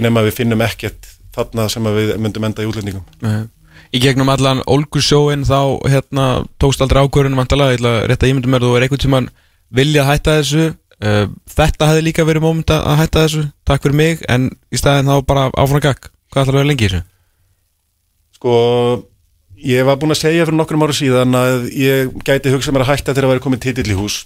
Og það gerðist 2019 og þá var bara svo gaman að mér langaði ekki að hætta þá sagði ég, ok, ég hætti ekkert fyrir að báðir titlanir eru konur í hús.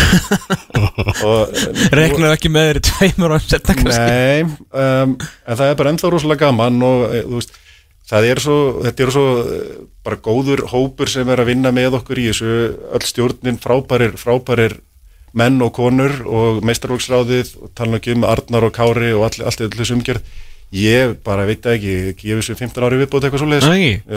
Það væri umlað skrítið að hafa farið eins og varst að lýsa á hann skilur að vera í raun og veru bara símadama í nokkur ára, bara, já þetta er, er, í, er hérna bara ít og onni í hraðbankunum skilur nú þegar þetta er ekki gaman skilur þeir byrjar að hugsa fyrir næsta ára með þið eru það hérna að vinna tvo titla og með þjálfar með því líka sín og með besta miður Íslasögunar komin í starfhjöður til þess að hjálpa úst. nú er þetta ekki gaman, nú er þetta bara svona, svolítið svona próumhverjan, okkur í fjandalum ætlar að hætta núna þegar þú ert búin að byggja þetta upp svona Já, ekki ég, bara við erum búin að byggja þetta upp, já, en, en sko, já, það, það auðvita upp á svona legacy að hætta núna væri frábært, en hvaða legacy, þú veist, hver mann eftir einhverjum þarna formanni meistarlokksráðs eftir, eftir fimm eða tíu ár, það skiptir einhver máli.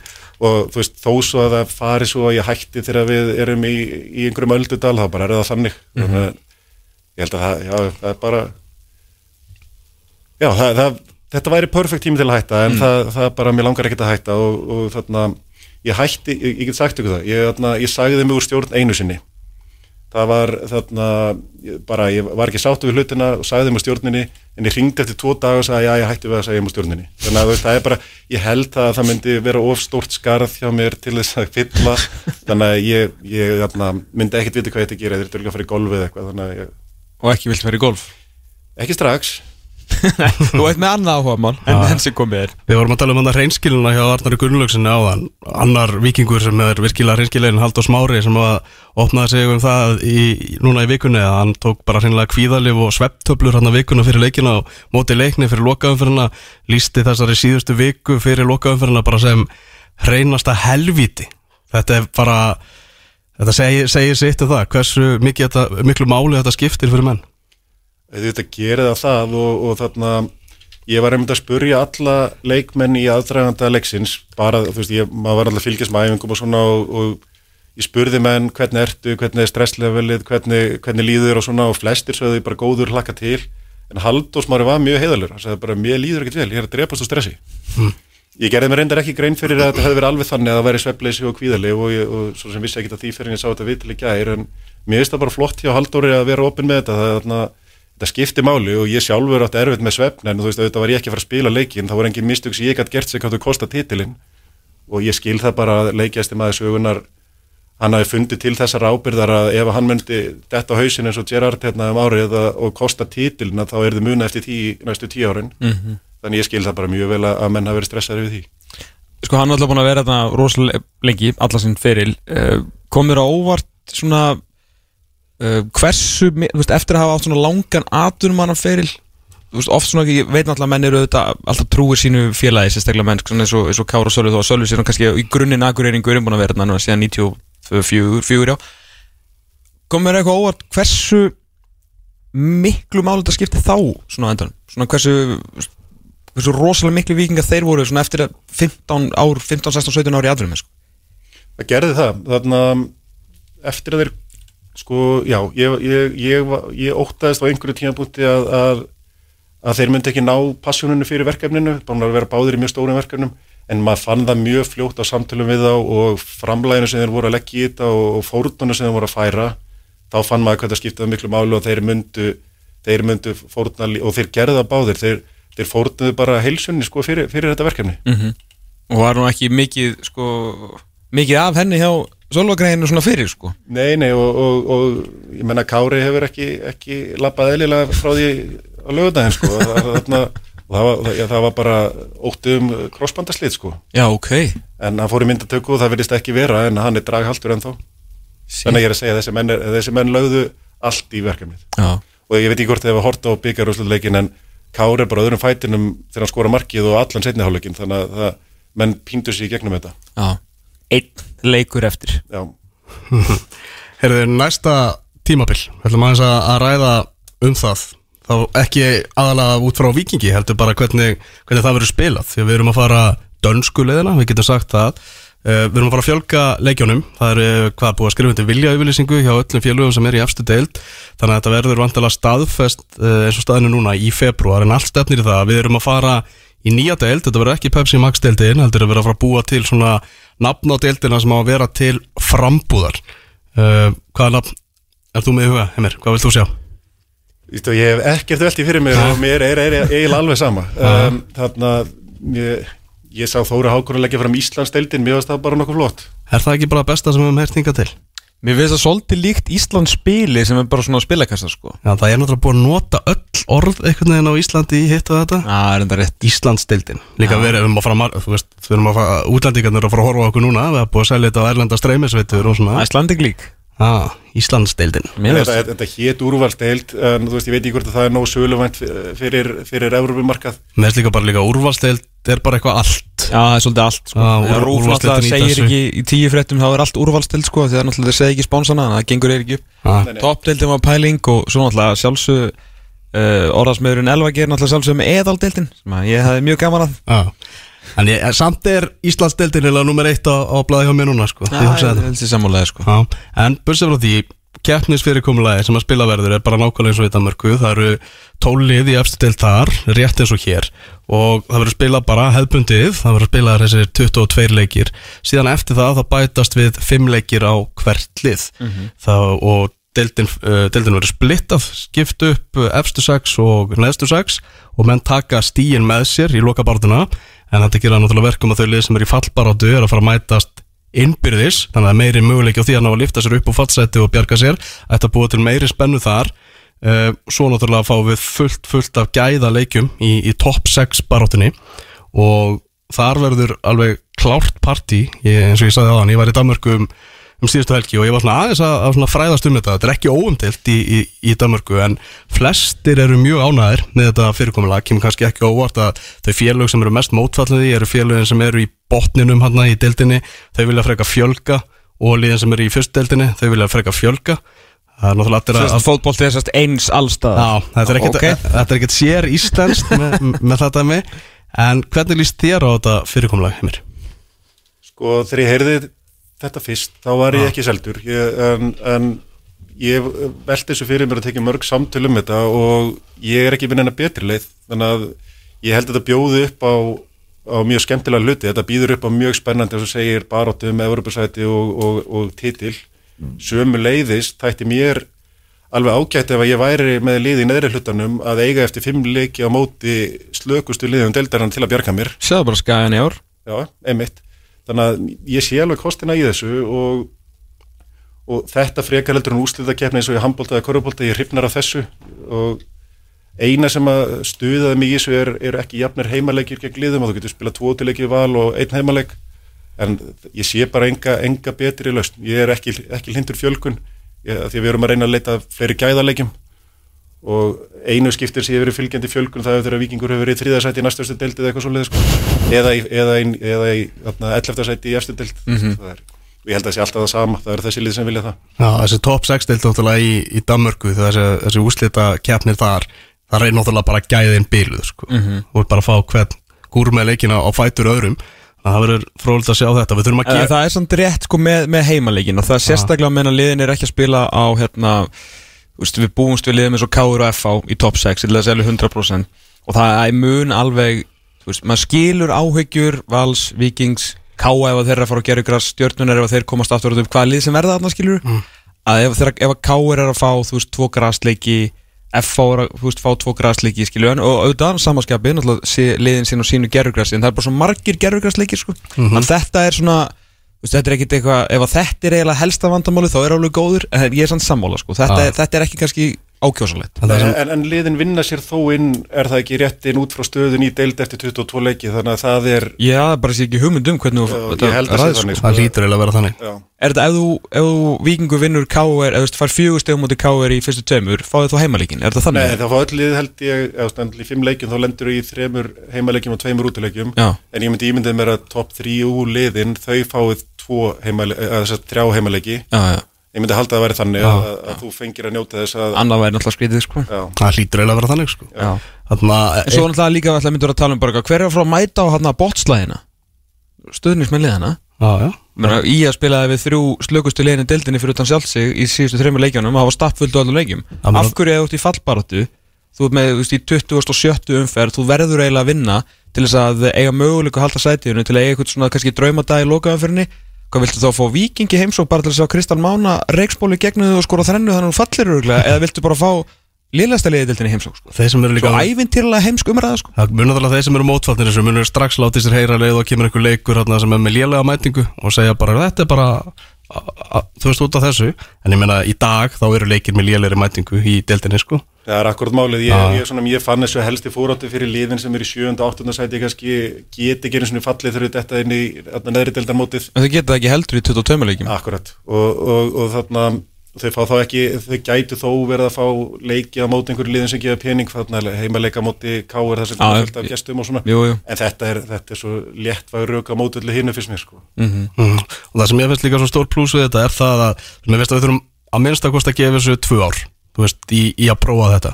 Uh, en við getum sem bara bakkað. Já, það er ekki verið að bæta við liðum Þannig að í versta falli þá bara hættu við Já, nokkulega, en þetta er alveg ómögulegt þetta tvö ár, þá bara í vestafalli þá bara stífum við skrifið tilbaka sko. mm. Já, algjörlega, og ég held að sé, einmitt, og það voru líka mjög störk rjók fyrir því að, að þú veist, ef þú ferði í fjórtónlega deild, ég sé ekki hvernig þú nærð því tilbaka. Það, það bara eru svo miklir hagsmunni fyrir þá sem eru komnir upp Mhm. að, að þú getur ekkert farið inn eitt tíðanbila sem fjögulið fallaði eitthvað svo leið, sko. Nei, það er alveg bara hár rétt sko. Já, Íslandsdeildin, hún verður spennandi á, Íslandsbil já, já, heldur betur Herðu heimir, bara afskaplega gaman að fá þig Já, takk og fyrir þú það. heldur bara áfram að, að fagna þessum, þessum titlum og bara nýtur næstu 15 ára í, í Ég fórum með hérna aðeins út að borða á fyrir 50 daginn í síðustu viku eitthvað með, hérna, Já, með þér með hans Já, og, hérna, og svo var allt komið í skrúina þarna eins og vill nú verða þegar við vorum konur í lukkuhjólu og æris eitthvað á 50 degi og svona en þú veist, það er bara eins og það er sendi ykkur að mynda að æskufélana og þeir eitthvað, bara eitthvað, ertu ennþá að fagna titlinum? Ennþá?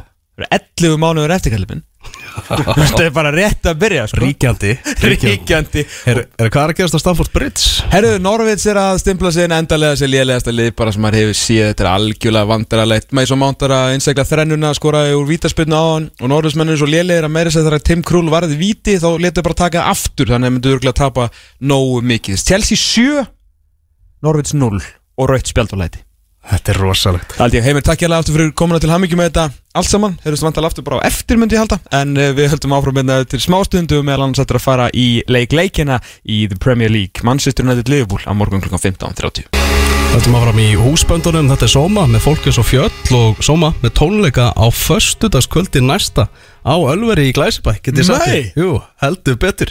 Þeir eru komin saman aftur, það eru öll okkar húsbönd, þeir eru bara búin að taka saman aftur eftir að við fórum að spila hérna á fullu í, í þættinum. Ég eitthvað segi mig það að við hljótum að vera með miða bara græja á sóma Alveg klárt mál sko. Megum fá að hitta á svona baksviðs eða? Já, við erum með backstage passa og allt. sko. Þetta verður eitthvað rú. Má ég gista Takkaði það ekki síðast, það er allt verið orðin vittlust Ég, ég var búin að sko mæla með því að myndi taka fyrst og síðast. Síðast, já Og sem upp, upp klapslag. Þrísvar. Ég til, sé hvað ég til Þetta verður svakalegt næsta föstaskvöld Herðu yfir í enska boltan, enska fótboltan Það var að ljúka leika á Stamford Bridge. Hvernig endaði það, Thomas? Jésús minn almattur uh, Norvids var að spila fótballtaleik þannig að Norvids tapaði en uh, þeir ákveði að gera sig að fýblum þennan uh, morgunin og töpuðu 7-0 fyrir, Liv- fyrir Liverpool, fyrir Chelsea sem að ég fór að kostu Mason Mount skoraði þrjú mörg Max Arons sko, tókst að skora sjálfsmark sem sagt Norvids og fáið sig rautspjald Max Arons með sjálfsmarkið og Ben Gibson reygin af velli. En Rhys James, Callum Hudson og Boy og uh, Ben Chilwell skoruðu mörkin. Þannig að Akademian hjá Chelsea að skila þarna 6 af 7 mörkum og Ben Chilwell búin að skora ykkur um fjóruleiki með röðu eitthvað. Já, þannig að uh, Chelsea menn- eðlilega. Já, heililega, hann alltaf var ekki myndin í byrjun tímabils en núna var hann uh, bara næst marka en einhver marka hestur með Lukaku þetta meikar ekki sens, en frábær sigur og auðveldur hjá Chelsea liðinu. Mm Er það á morgun á Old Trafford Manchester United. Liverpool og, og það er náttúrulega bara leikur leikjana á Íslandi í þjóðar íþrótt Íslandinga enska boltanum. Já, og það verður partí þar og á línunni Kristján Alli Ragnarsson okkar sérfræðingur um enska boltan Kar Blessaður. Sælir. Það er leikur, það er leikur heldur betur hvernig leggst þetta í þig? Fótballtaleikur bara. Það ekki, eins og hver annar eins og hver annar 11 mot 11 og Þrjústi í bóði alveg svo móti Norwich. bæði lið byrja með eitt stig Ég er bara búin að sofa mjög vel síðustu daga og, og er mjög svona, það er ekkert hjartaflugt á mér og, og ég er mjög sl- afslappaður og ef þið hafið heimildur með eitthvað annað þá bara heiði í lögfræðingum mínum. Er, er, er stressað? Já, það er alltaf stress fyrir hann helvítisleik fyrir gefið út af því máli það er ekkert að kalla þennan leik neitt annað en helvítisleikin því að mér finnst ég eigi bara, mér finnst ég eigi geta allt náðu að daga fram að þessum leik eins og staðan er á þessum liðum núna. En nei, það er bara aldrei hægt að vera rólegur þegar að maður er að fara Old Trafford. Ekki einu sinni þegar mann finnst Liverpool vera miklu betra lið. Nei, það er náttúrulega að hafa ótrúlega, ótrúlega hlutir gerst sko, en hvað er svona, er já, að því þetta er leikurinn, að því þetta er helvitisleikurinn, svo þú ert svona stressaður yfir Nei, nei, nei, nei, það er ekkit eins og það er ekkit eins og við séum að fara að heimsækja Norvits eða eitthvað sko Liverpool menn ha- hérna, og, og eitthvað stressaði bara því að þetta er ekki fjendarslagur, það er alls ekki þannig United eru með frábært fótballtalið Mhm.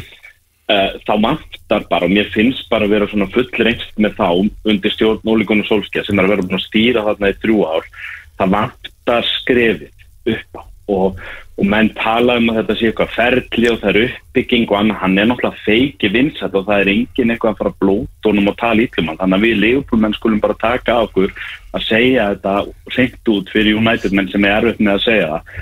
Hann er bara ekki jafn góður stjóri og Thomas Tuchel og Pep Guardiola og Jürgen Klopp. Hann er aldrei að fara að vinna titil með Manchester United. Af því að til þess að gera það þá þarf hann að stinga öllum hinum þremur aftur fyrir sig og það er bara ekkert að fara að gerast. Það gerist á svona fimm ára fresti að tvö eða þrjú að þessum liðum þetta svona aðeins samt nýjan allavega jafnvel raskati og það gerðist í fyrra þar sem að Chelsea lenstu í þjálfaraskiptum og Liverpool lenstu í sögulegum meðslamandræðum og allt í skrúna og þeir áttu samt ekki sens í City. City bara stakka að með þetta og voru búinni með deildina í februar United er í öðru sætunu og það er í annað sinn á þessum hvað átt árum síðan er unnu deildina síðast og Sir Alex Ferguson hætti það er annað sinn sem að þeir lenda í öðru sæti í þessari deild og í bæði skiptin að þá eru þeir ekki með í titilbaratu þó sem þeir lenda í öðru sæti. Annað sæti hefur rauninni ekkert að segja nema bara það að þeir fengu að verma það sæti þetta sinn að því að Chelsea og Liverpool voru ekki alveg klárir í bátana eftir árum út í fyrra. En nú er bara öldin önnur Liverpool eru, þeir duttu á, á hnén allavega ef ekki rassinn í fyrra út af ímsu eins og við höfum margrætt nú eru menn greinilega bara staðinir upp. Gamla bandi kom saman eins og Tómas orðað alltaf og menn eru bara komnið saman aftur. Og, og normal service er resumed eins og þeir segja á, í þjónustugeranum og, og Chelsea eru bara konur á beinubröðina það eru menn bara ríkjandi Evropamistrar búin að bæta Lukaku við liðu ég var að horfa á að kjöldra þetta Norvitslið ég veit að þetta er bara Norvits en það er bara ákveðin gáttl á Chelsea sem er ekki á Manchester United og þó svo að City hafi ekki náðu klófest að hafi keinu sumar þá er bara samt klárlega ákveðin gæða stiftill á City sem þú ser hverki hjá United. Og fyrir mér þá, þá dæmi ég solskjær harðast af því að ég held að það sé ekki einn United maður sem gæti reynt að mótmæli því í dag að ef ég segði við þá hefðu við skulum skiptum þjálfara við skulum láta því hafa í staðin fyrir solskjær við skulum láta því hafa klopp, Guardiola eða Tuchel það er enginn að maður fara að reyna að færa rauk fyrir því að solskjær sé gera jafnvel eða betur heldur en þessir þrýr herramenn myndi gera með þetta United-lið sem að solskera með höndurum í dag. Þeir glemum því ekki þeir fóru út í sumar og þeir sóttu Rafael Varane, þeir fóru og sóttu Jadon Sancho, þeir fóru og sóttu Cristiano Ronaldo. Alla leið frá Madeira í Portugal, sko. Takk fyrir. Og þetta á bara að vera betra en það sem við höfum séð síðustu vikur hjá United.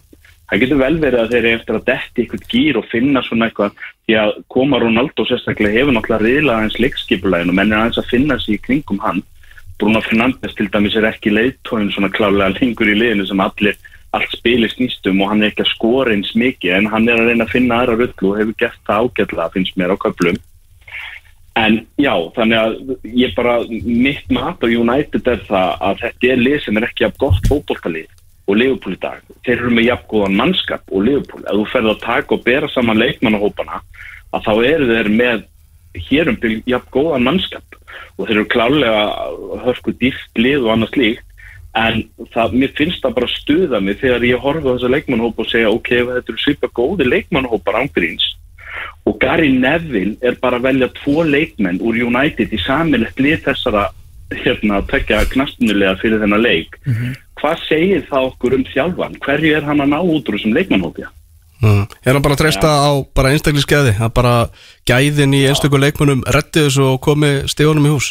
Já, ég er ekki ennþá að sjá neina taktík hjá United að- aðra en þá að reyna að vera þjættir og baráttuglæður og skipulaður og treysta svo á að þessir toppar stíu upp, að Ronaldo stíu upp, að Bruno stíu upp, að Rashford stíu upp, að Cavani stíu upp.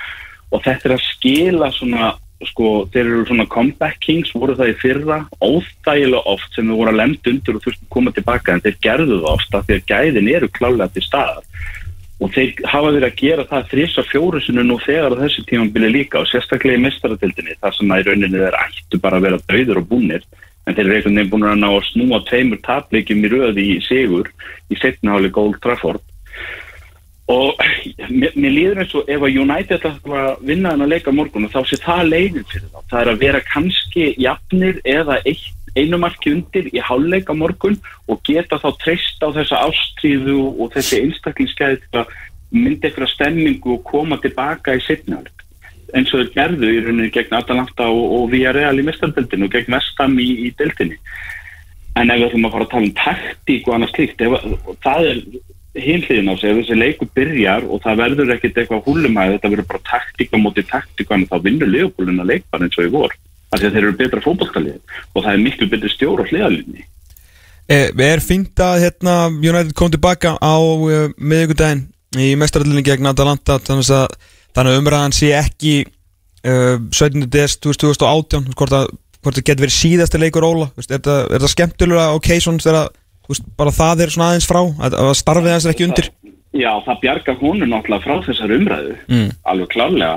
Ég myndi segja fyrir United að þetta var ekkert gott fyrir þá þýlitum til samt að móta þeir eittu óþarfa orku í þennan leik. Þeir hefðu náttúrulega vilja bara vera búin að vinna þennan leik og geta fara að taka menn út af voru- Bruno tæpur út af þessu og ýmislegt Já, en í staðinu þá voru menn að gefa allt sitt í málstæðin í 95 mínútur degi eftir að Liverpool spilaði leik. Og Liverpool bara chilla heima rétt á meðan og það stutt verðalega hjá Liverpool og þetta var ekkert ákjósanlegt fyrir þá upp á það að gera.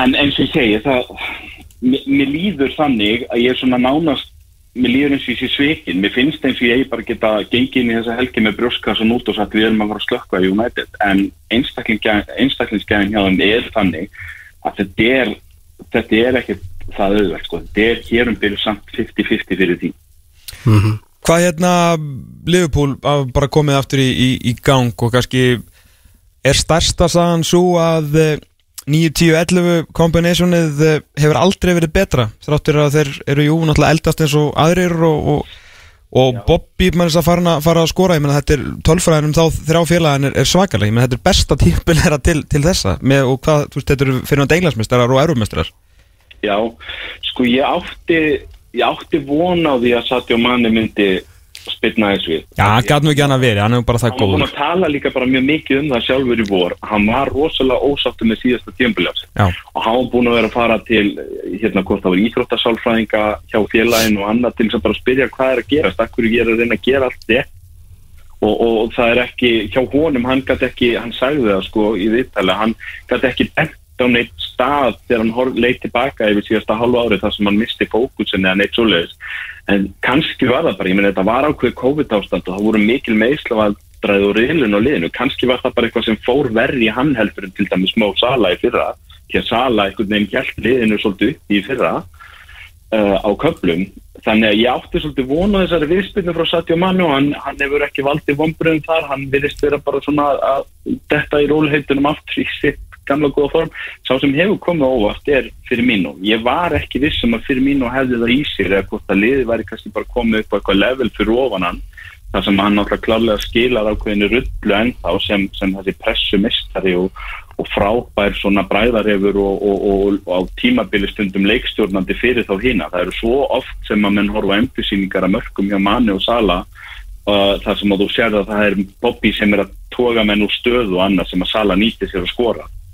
Um, en hann skuli koma svona heitur inn, hann, ég held að hann sem búin að skora núna 6 mörk í þú veist 11 skotum á marka eða eitthvað. Mm -hmm. á tímilega 10 skotum á marka í öllum keppnum, þetta er eiginlega hálf galið.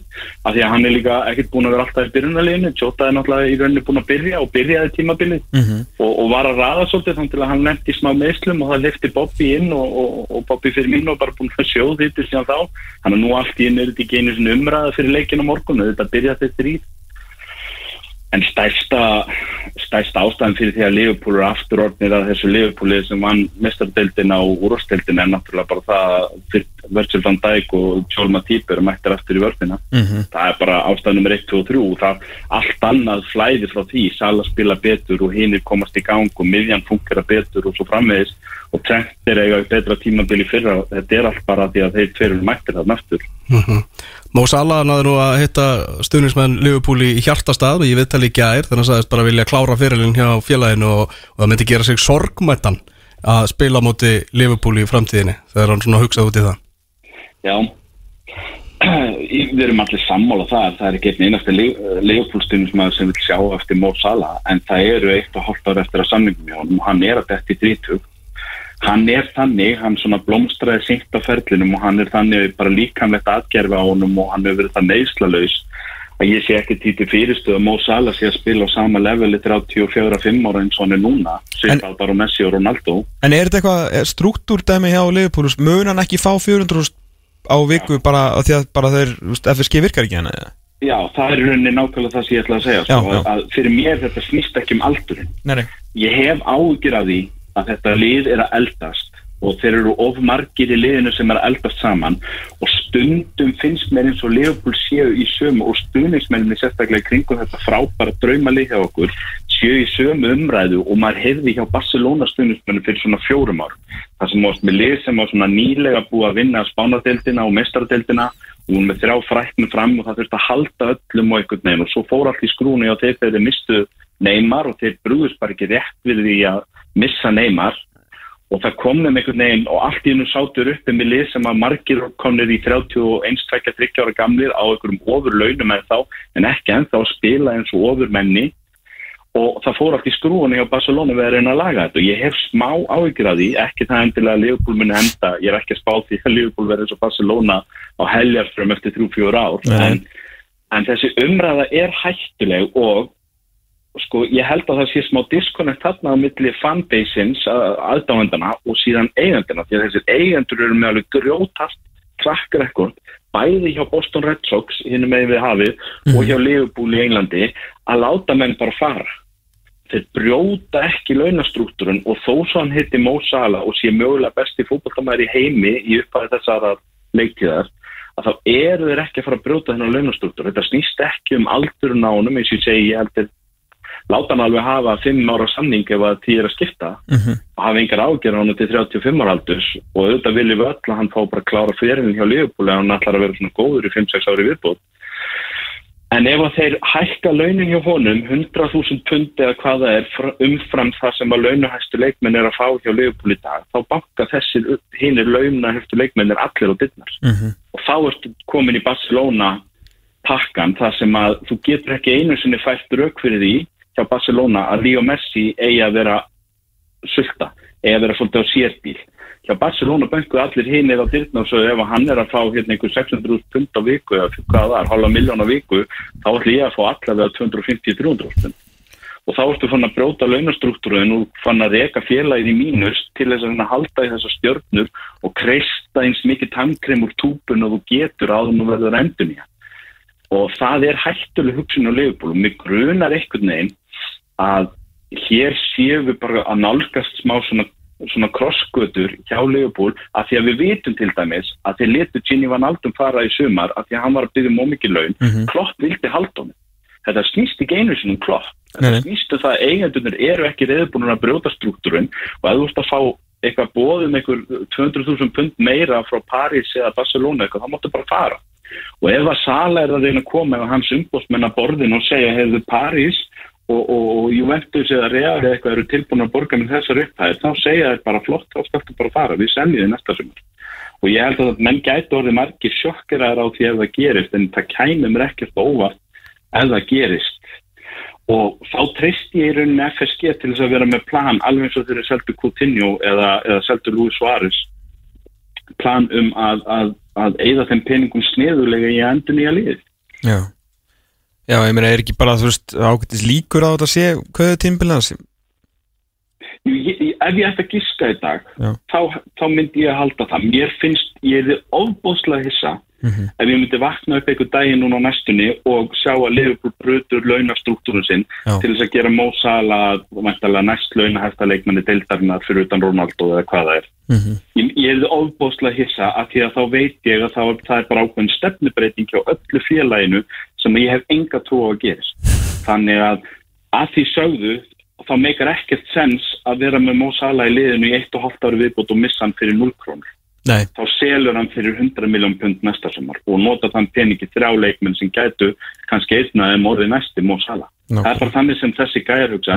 Þeir hafa gert þetta aftur og aftur hjá Boston Red Sox. Þeir hafa selt eina eða tvær stjörnur úr liði sem er tiltölulega nýbúið að vinna Major League Baseball World Series titilinn sjálfan Mhm. og stuðnismennir eru alltaf brjálæðir og þetta lið skila sér alltaf aftur upp á tveimur, þreimur árum í mistaratitil og það er ekkert félag að ég man rétt held ég farið með rétt maður, það er ekkert félag í bandrækjum búið að vinna baseball-titilin jafn oft frá aldamótum eins og Red Sox síðan að þeir brutu bölvunin að loksa bakaftur.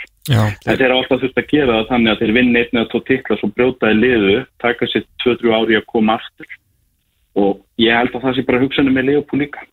Já. Við sýtum hérna og viljum halda í þetta draumalið sem lengst og vona að þeir bara vinni titil eftir titil eftir titil með klokkna sem fimm árin. Mhm. Ég held að þeir séu að fara að splitta þessu liði.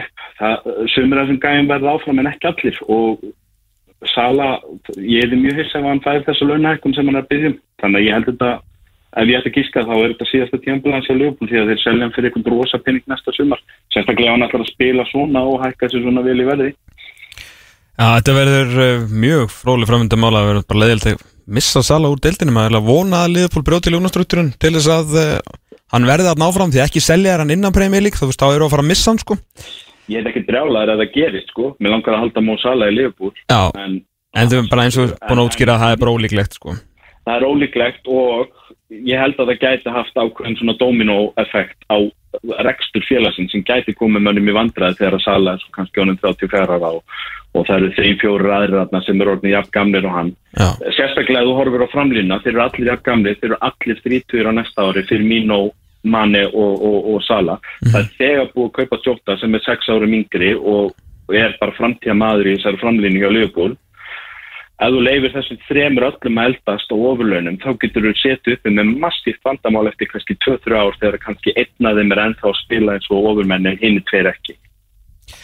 Þetta verður mjög áhugavert. Leikurinn á morgun klukkan 15.30 bara Kristján Alli uh, þakkir að vanda. Svo stýttist í fyrsta upp, uh, fjóruðsupgjöri hér og þá fáum við nú hérna í, í stúdíu Alltaf klár. Heyrjum svennur, bye bye Það er ekki eitthvað tvær vikur bara í dag? Ekki törgu, jú, þetta er, alltaf nýjöndu umfyrir hann. Hefði náttúrulega faktiskt getað komið núna. Ég vil bara næstu helgi. Þetta er sko 9,5 Já, er nefnilega- já 9.5 Þannig að við, ráðum svolítið hvorum með við komin að við erum sko. Já, við, skoðum þetta allt saman. Erum við Steve Bruce kvatti í vikunni. Ekki dófan þar, engin haka í gól. Sameileg ákvörðun. Mitt Ég held að Steve Bruce vissi það allan tíman að hann var ekkert að fara að vera takk og, takk og bless og, og síðan fór hann náttúrulega í viðtal og lísti því yfir bara hvað áhrif þetta hafði á fjölskyldu sína. Hann vera í þessu starfi bara rósaði eiginkonu sinni bara fyrir að hafa staðið bara við baki á sér í gegnum allt sem hann hefur þurft að þóla sem stjóri í Newcastle. Það var draumur hans að stýra þessu liði og fjölskyldan hans er, eru Newcastle stuðningsmenn. Jú, jú.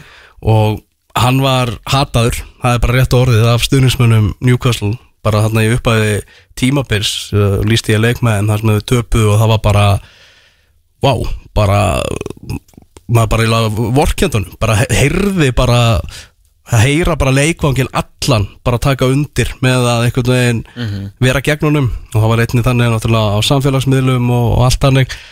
Steve Bruce, það er ímestlega að segja um hann en maður finnur til með kallinum sko.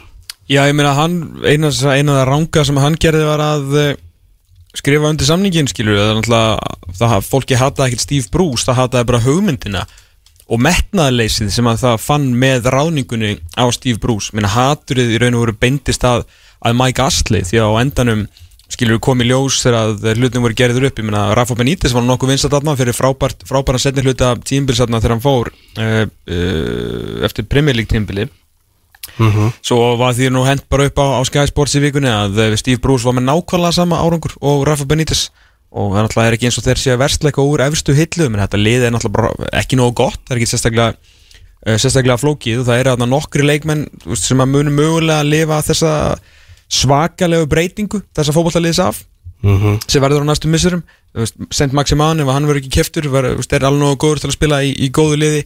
Svona Miki Almirón geti orðið eh, svona rulluspilari Callum Wilson, rulluspilari svona eitthvað næstu kannski tvö árin með að vera að kaupa ykkur aðra leikmenn. -hmm. Ærir eru alltaf bara championship leikmenn. Minna er bara championship vörn. Það er bara Þú veist, þetta er bara, þeir, þetta er bara ræðilegt að horfa á þetta oft tíðum sko, og bara þetta þessi borg og þetta fótballtafélag á bara miklu betra skilið heldur en það sem er búið að vera í gangi og, og veist, það var engin reyður beint út í Steve Bruce, eins og segja, bara hugmyndina um að ráða Steve Bruce. Og það er ekkert Steve Bruce að kenna, það er bara Mike Astley en ding dong, Norton er döið uh, og inn koma þarna sátarnir og nú bara horfið til, til betri vegar hjá, hjá Newcastle. Mm Graham Jones, uh, aðstóðarstjóri hann er að fara að stýra núna næstu tveimur leikjum. Hann tilkynnti það að fréttamann fundi gær að eigendnir höfðu talað við sig og báður um að taka tvo leiki. Hvað heldur þú að Pálo Fonseca sé að fara að gera núna svona fram að jólum? Heldur þú að sé að fara að raðinn segir honum með einhverju brjálari hugmyndafræði? Hann er að fara að nota sömu fótboltakalla á Steve Bruce sko? já, já. Hann er náttúrulega sóknarþengjandi mjög sá ágætti maður. Vissulega, hann þú veist, og Newcastle var náttúrulega þekkt fyrir mikinn sóknarleik og mjög skemmtilegan fótbolta uh, bæði undir Kevin Keegan og síðan Bobby Robson sko, það er svona svolítið þeirra trittmark en ætlað þú að taka þennan leikmannahóp og breyta þeim allt í einu bara eitthvað entertainers sem er að vinna fótballtaleikir sko.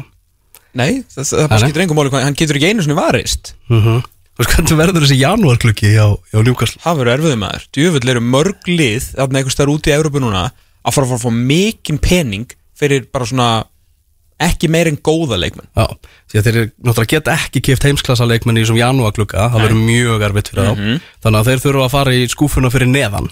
Já, þú getur fengið alveg ljómandi ágætis leikmenn, skilur, ég, ég er ekki að segja það.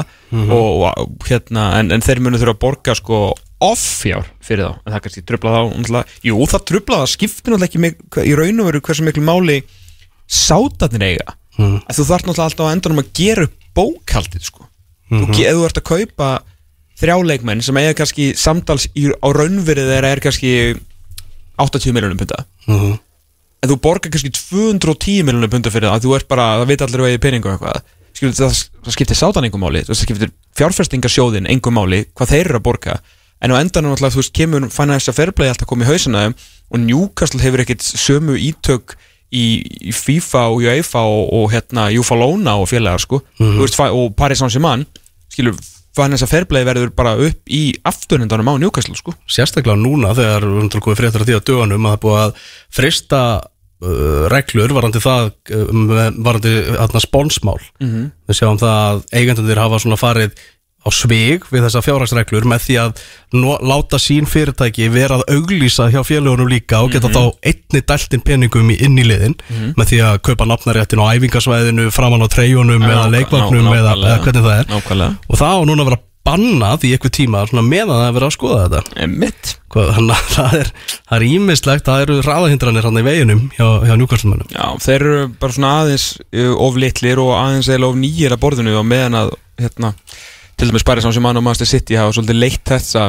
leitt þessa vegferð og, og komist upp svona kannski með ímislegt þannig að þetta verður mjög erfitt fyrir Newcastle og það verður bara mjög áhugavert að sjá hvar Newcastle verður þegar að glugginn opna fyrsta janúar sko. mm Þú veist Þeir þurfa að halda þessu liði uppi. Þeir verða ekkit englandsmeistarar á, á næsta tímabili ef þeir verða í Championship-deltinni sko. Hárrétt. Það er nefnilega þannig Það leikur á móti Crystal Palace sem er bara að byrja núna Crystal Palace Newcastle. Það er meðal þessara leikja sem er að hefjast núna klukkan 2 Það er eh, Everton Watford, eh, Southampton Burnley og svo aðaleikurinn á Simi Sport er Wolves? Já. hann, er, hann er að hefjast og svo klukkan 16.30 þá er það Brighton á móti Manchester City. Mm. Þetta er náttúrulega hátíðar útsendinga á morgun á, á Simonum Sporti og Gilvi hittum upp Bjarni Þór og Margaret uh, verða á grasinu á Old Trafford með Owen Hargreaves með sér og Eður Smári ætla síðan að detta inn með mér og Gilva í völlin beint eftir leik sko. Mm -hmm. alvöru, alvöru sunnudagur ofur sunnudagur. Heldur betur. Svo er hérna sá ég einhvers staðar að það er svakalega helgi það er uh, Juventus Inter, það er El Clasico og Marseille PSG og það er ekki hægt að horfa á einn einasta leika þess að nema United uh, Liverpool á Simirsport Já, nema þú sért að fara bara að fara einhver ólulega Já, þú getur ekki gert það lögulega sko. Já, þú getur bara ekki lota peningiðin í að horfa á þessa leiki sko. Nei, allan ekki, við vitum ekki til þess sko. Nei.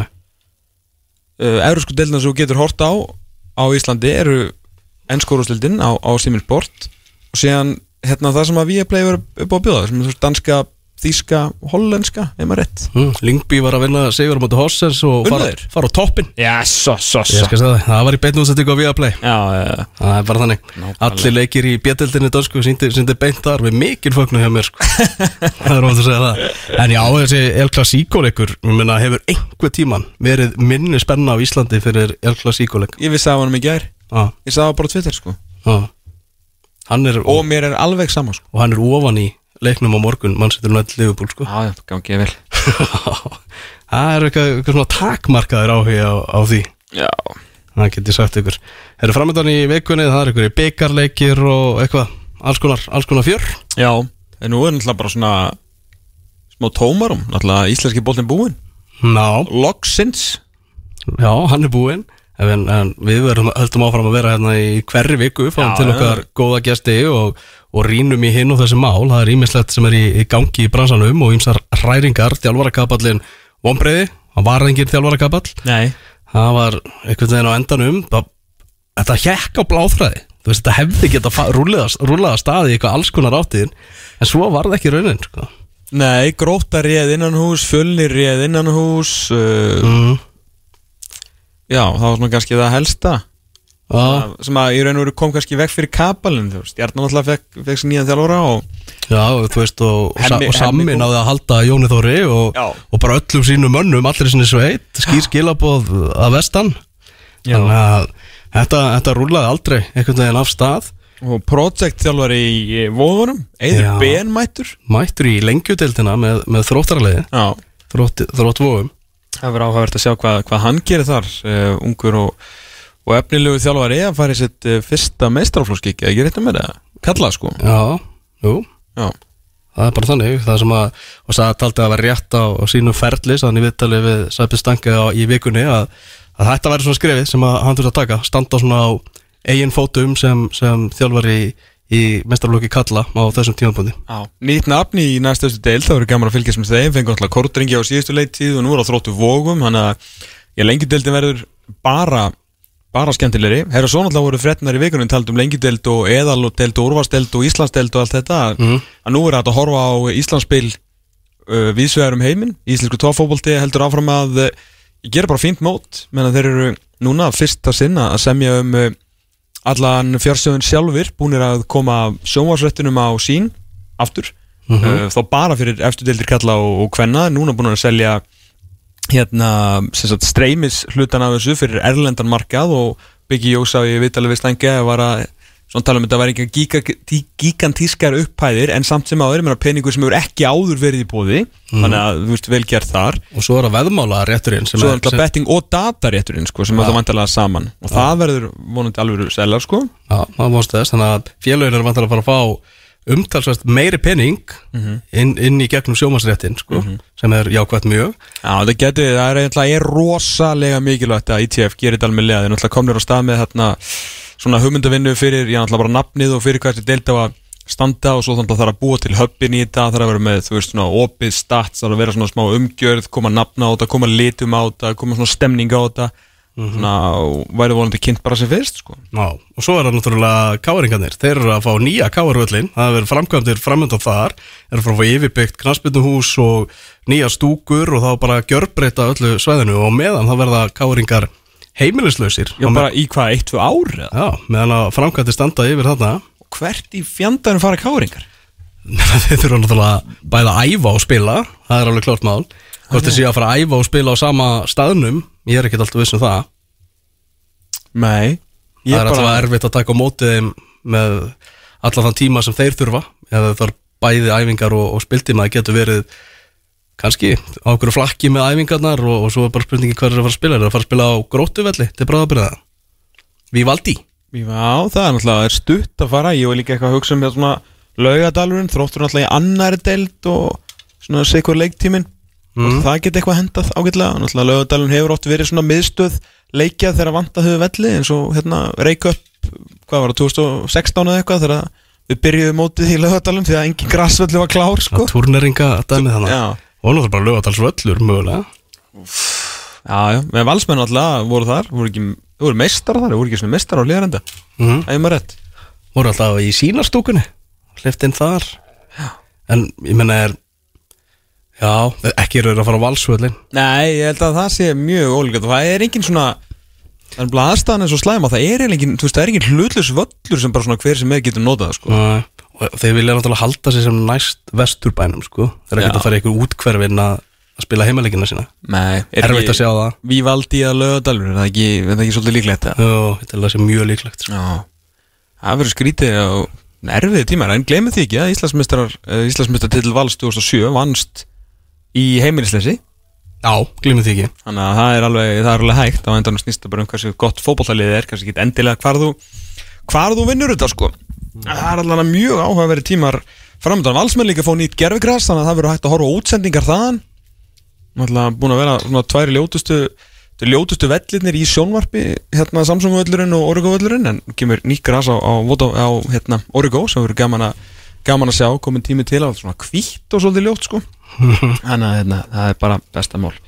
Herri, ég heldur síðan bara tæmdir þennan uh, lögadaginn um, Fengum til okkar hér Heimi Gunnlaugsson form á meistraflóksráðs og varaforman knastbundildar Vikingsmaðurinn sem að, uh, já, arkitektinn að tveimur uh, titlum á þessu ári. Búin að vera í þessu ykkur 15 ár, ætlar að vera 15 ár í viðbót. Herjum síðan í Kristján Allar Ragnarssinn um stórleikin á morgun Manchester United Liverpool í betni á Simin Sport frá klukkan 15.00 þegar að upphittun hefst. Við höldum áfram að fjallum íslenska boltan land, land, land inn í veturinn og verðum við aftur eftir 6 daga og 22 tíma. Þáka til, verið sæl.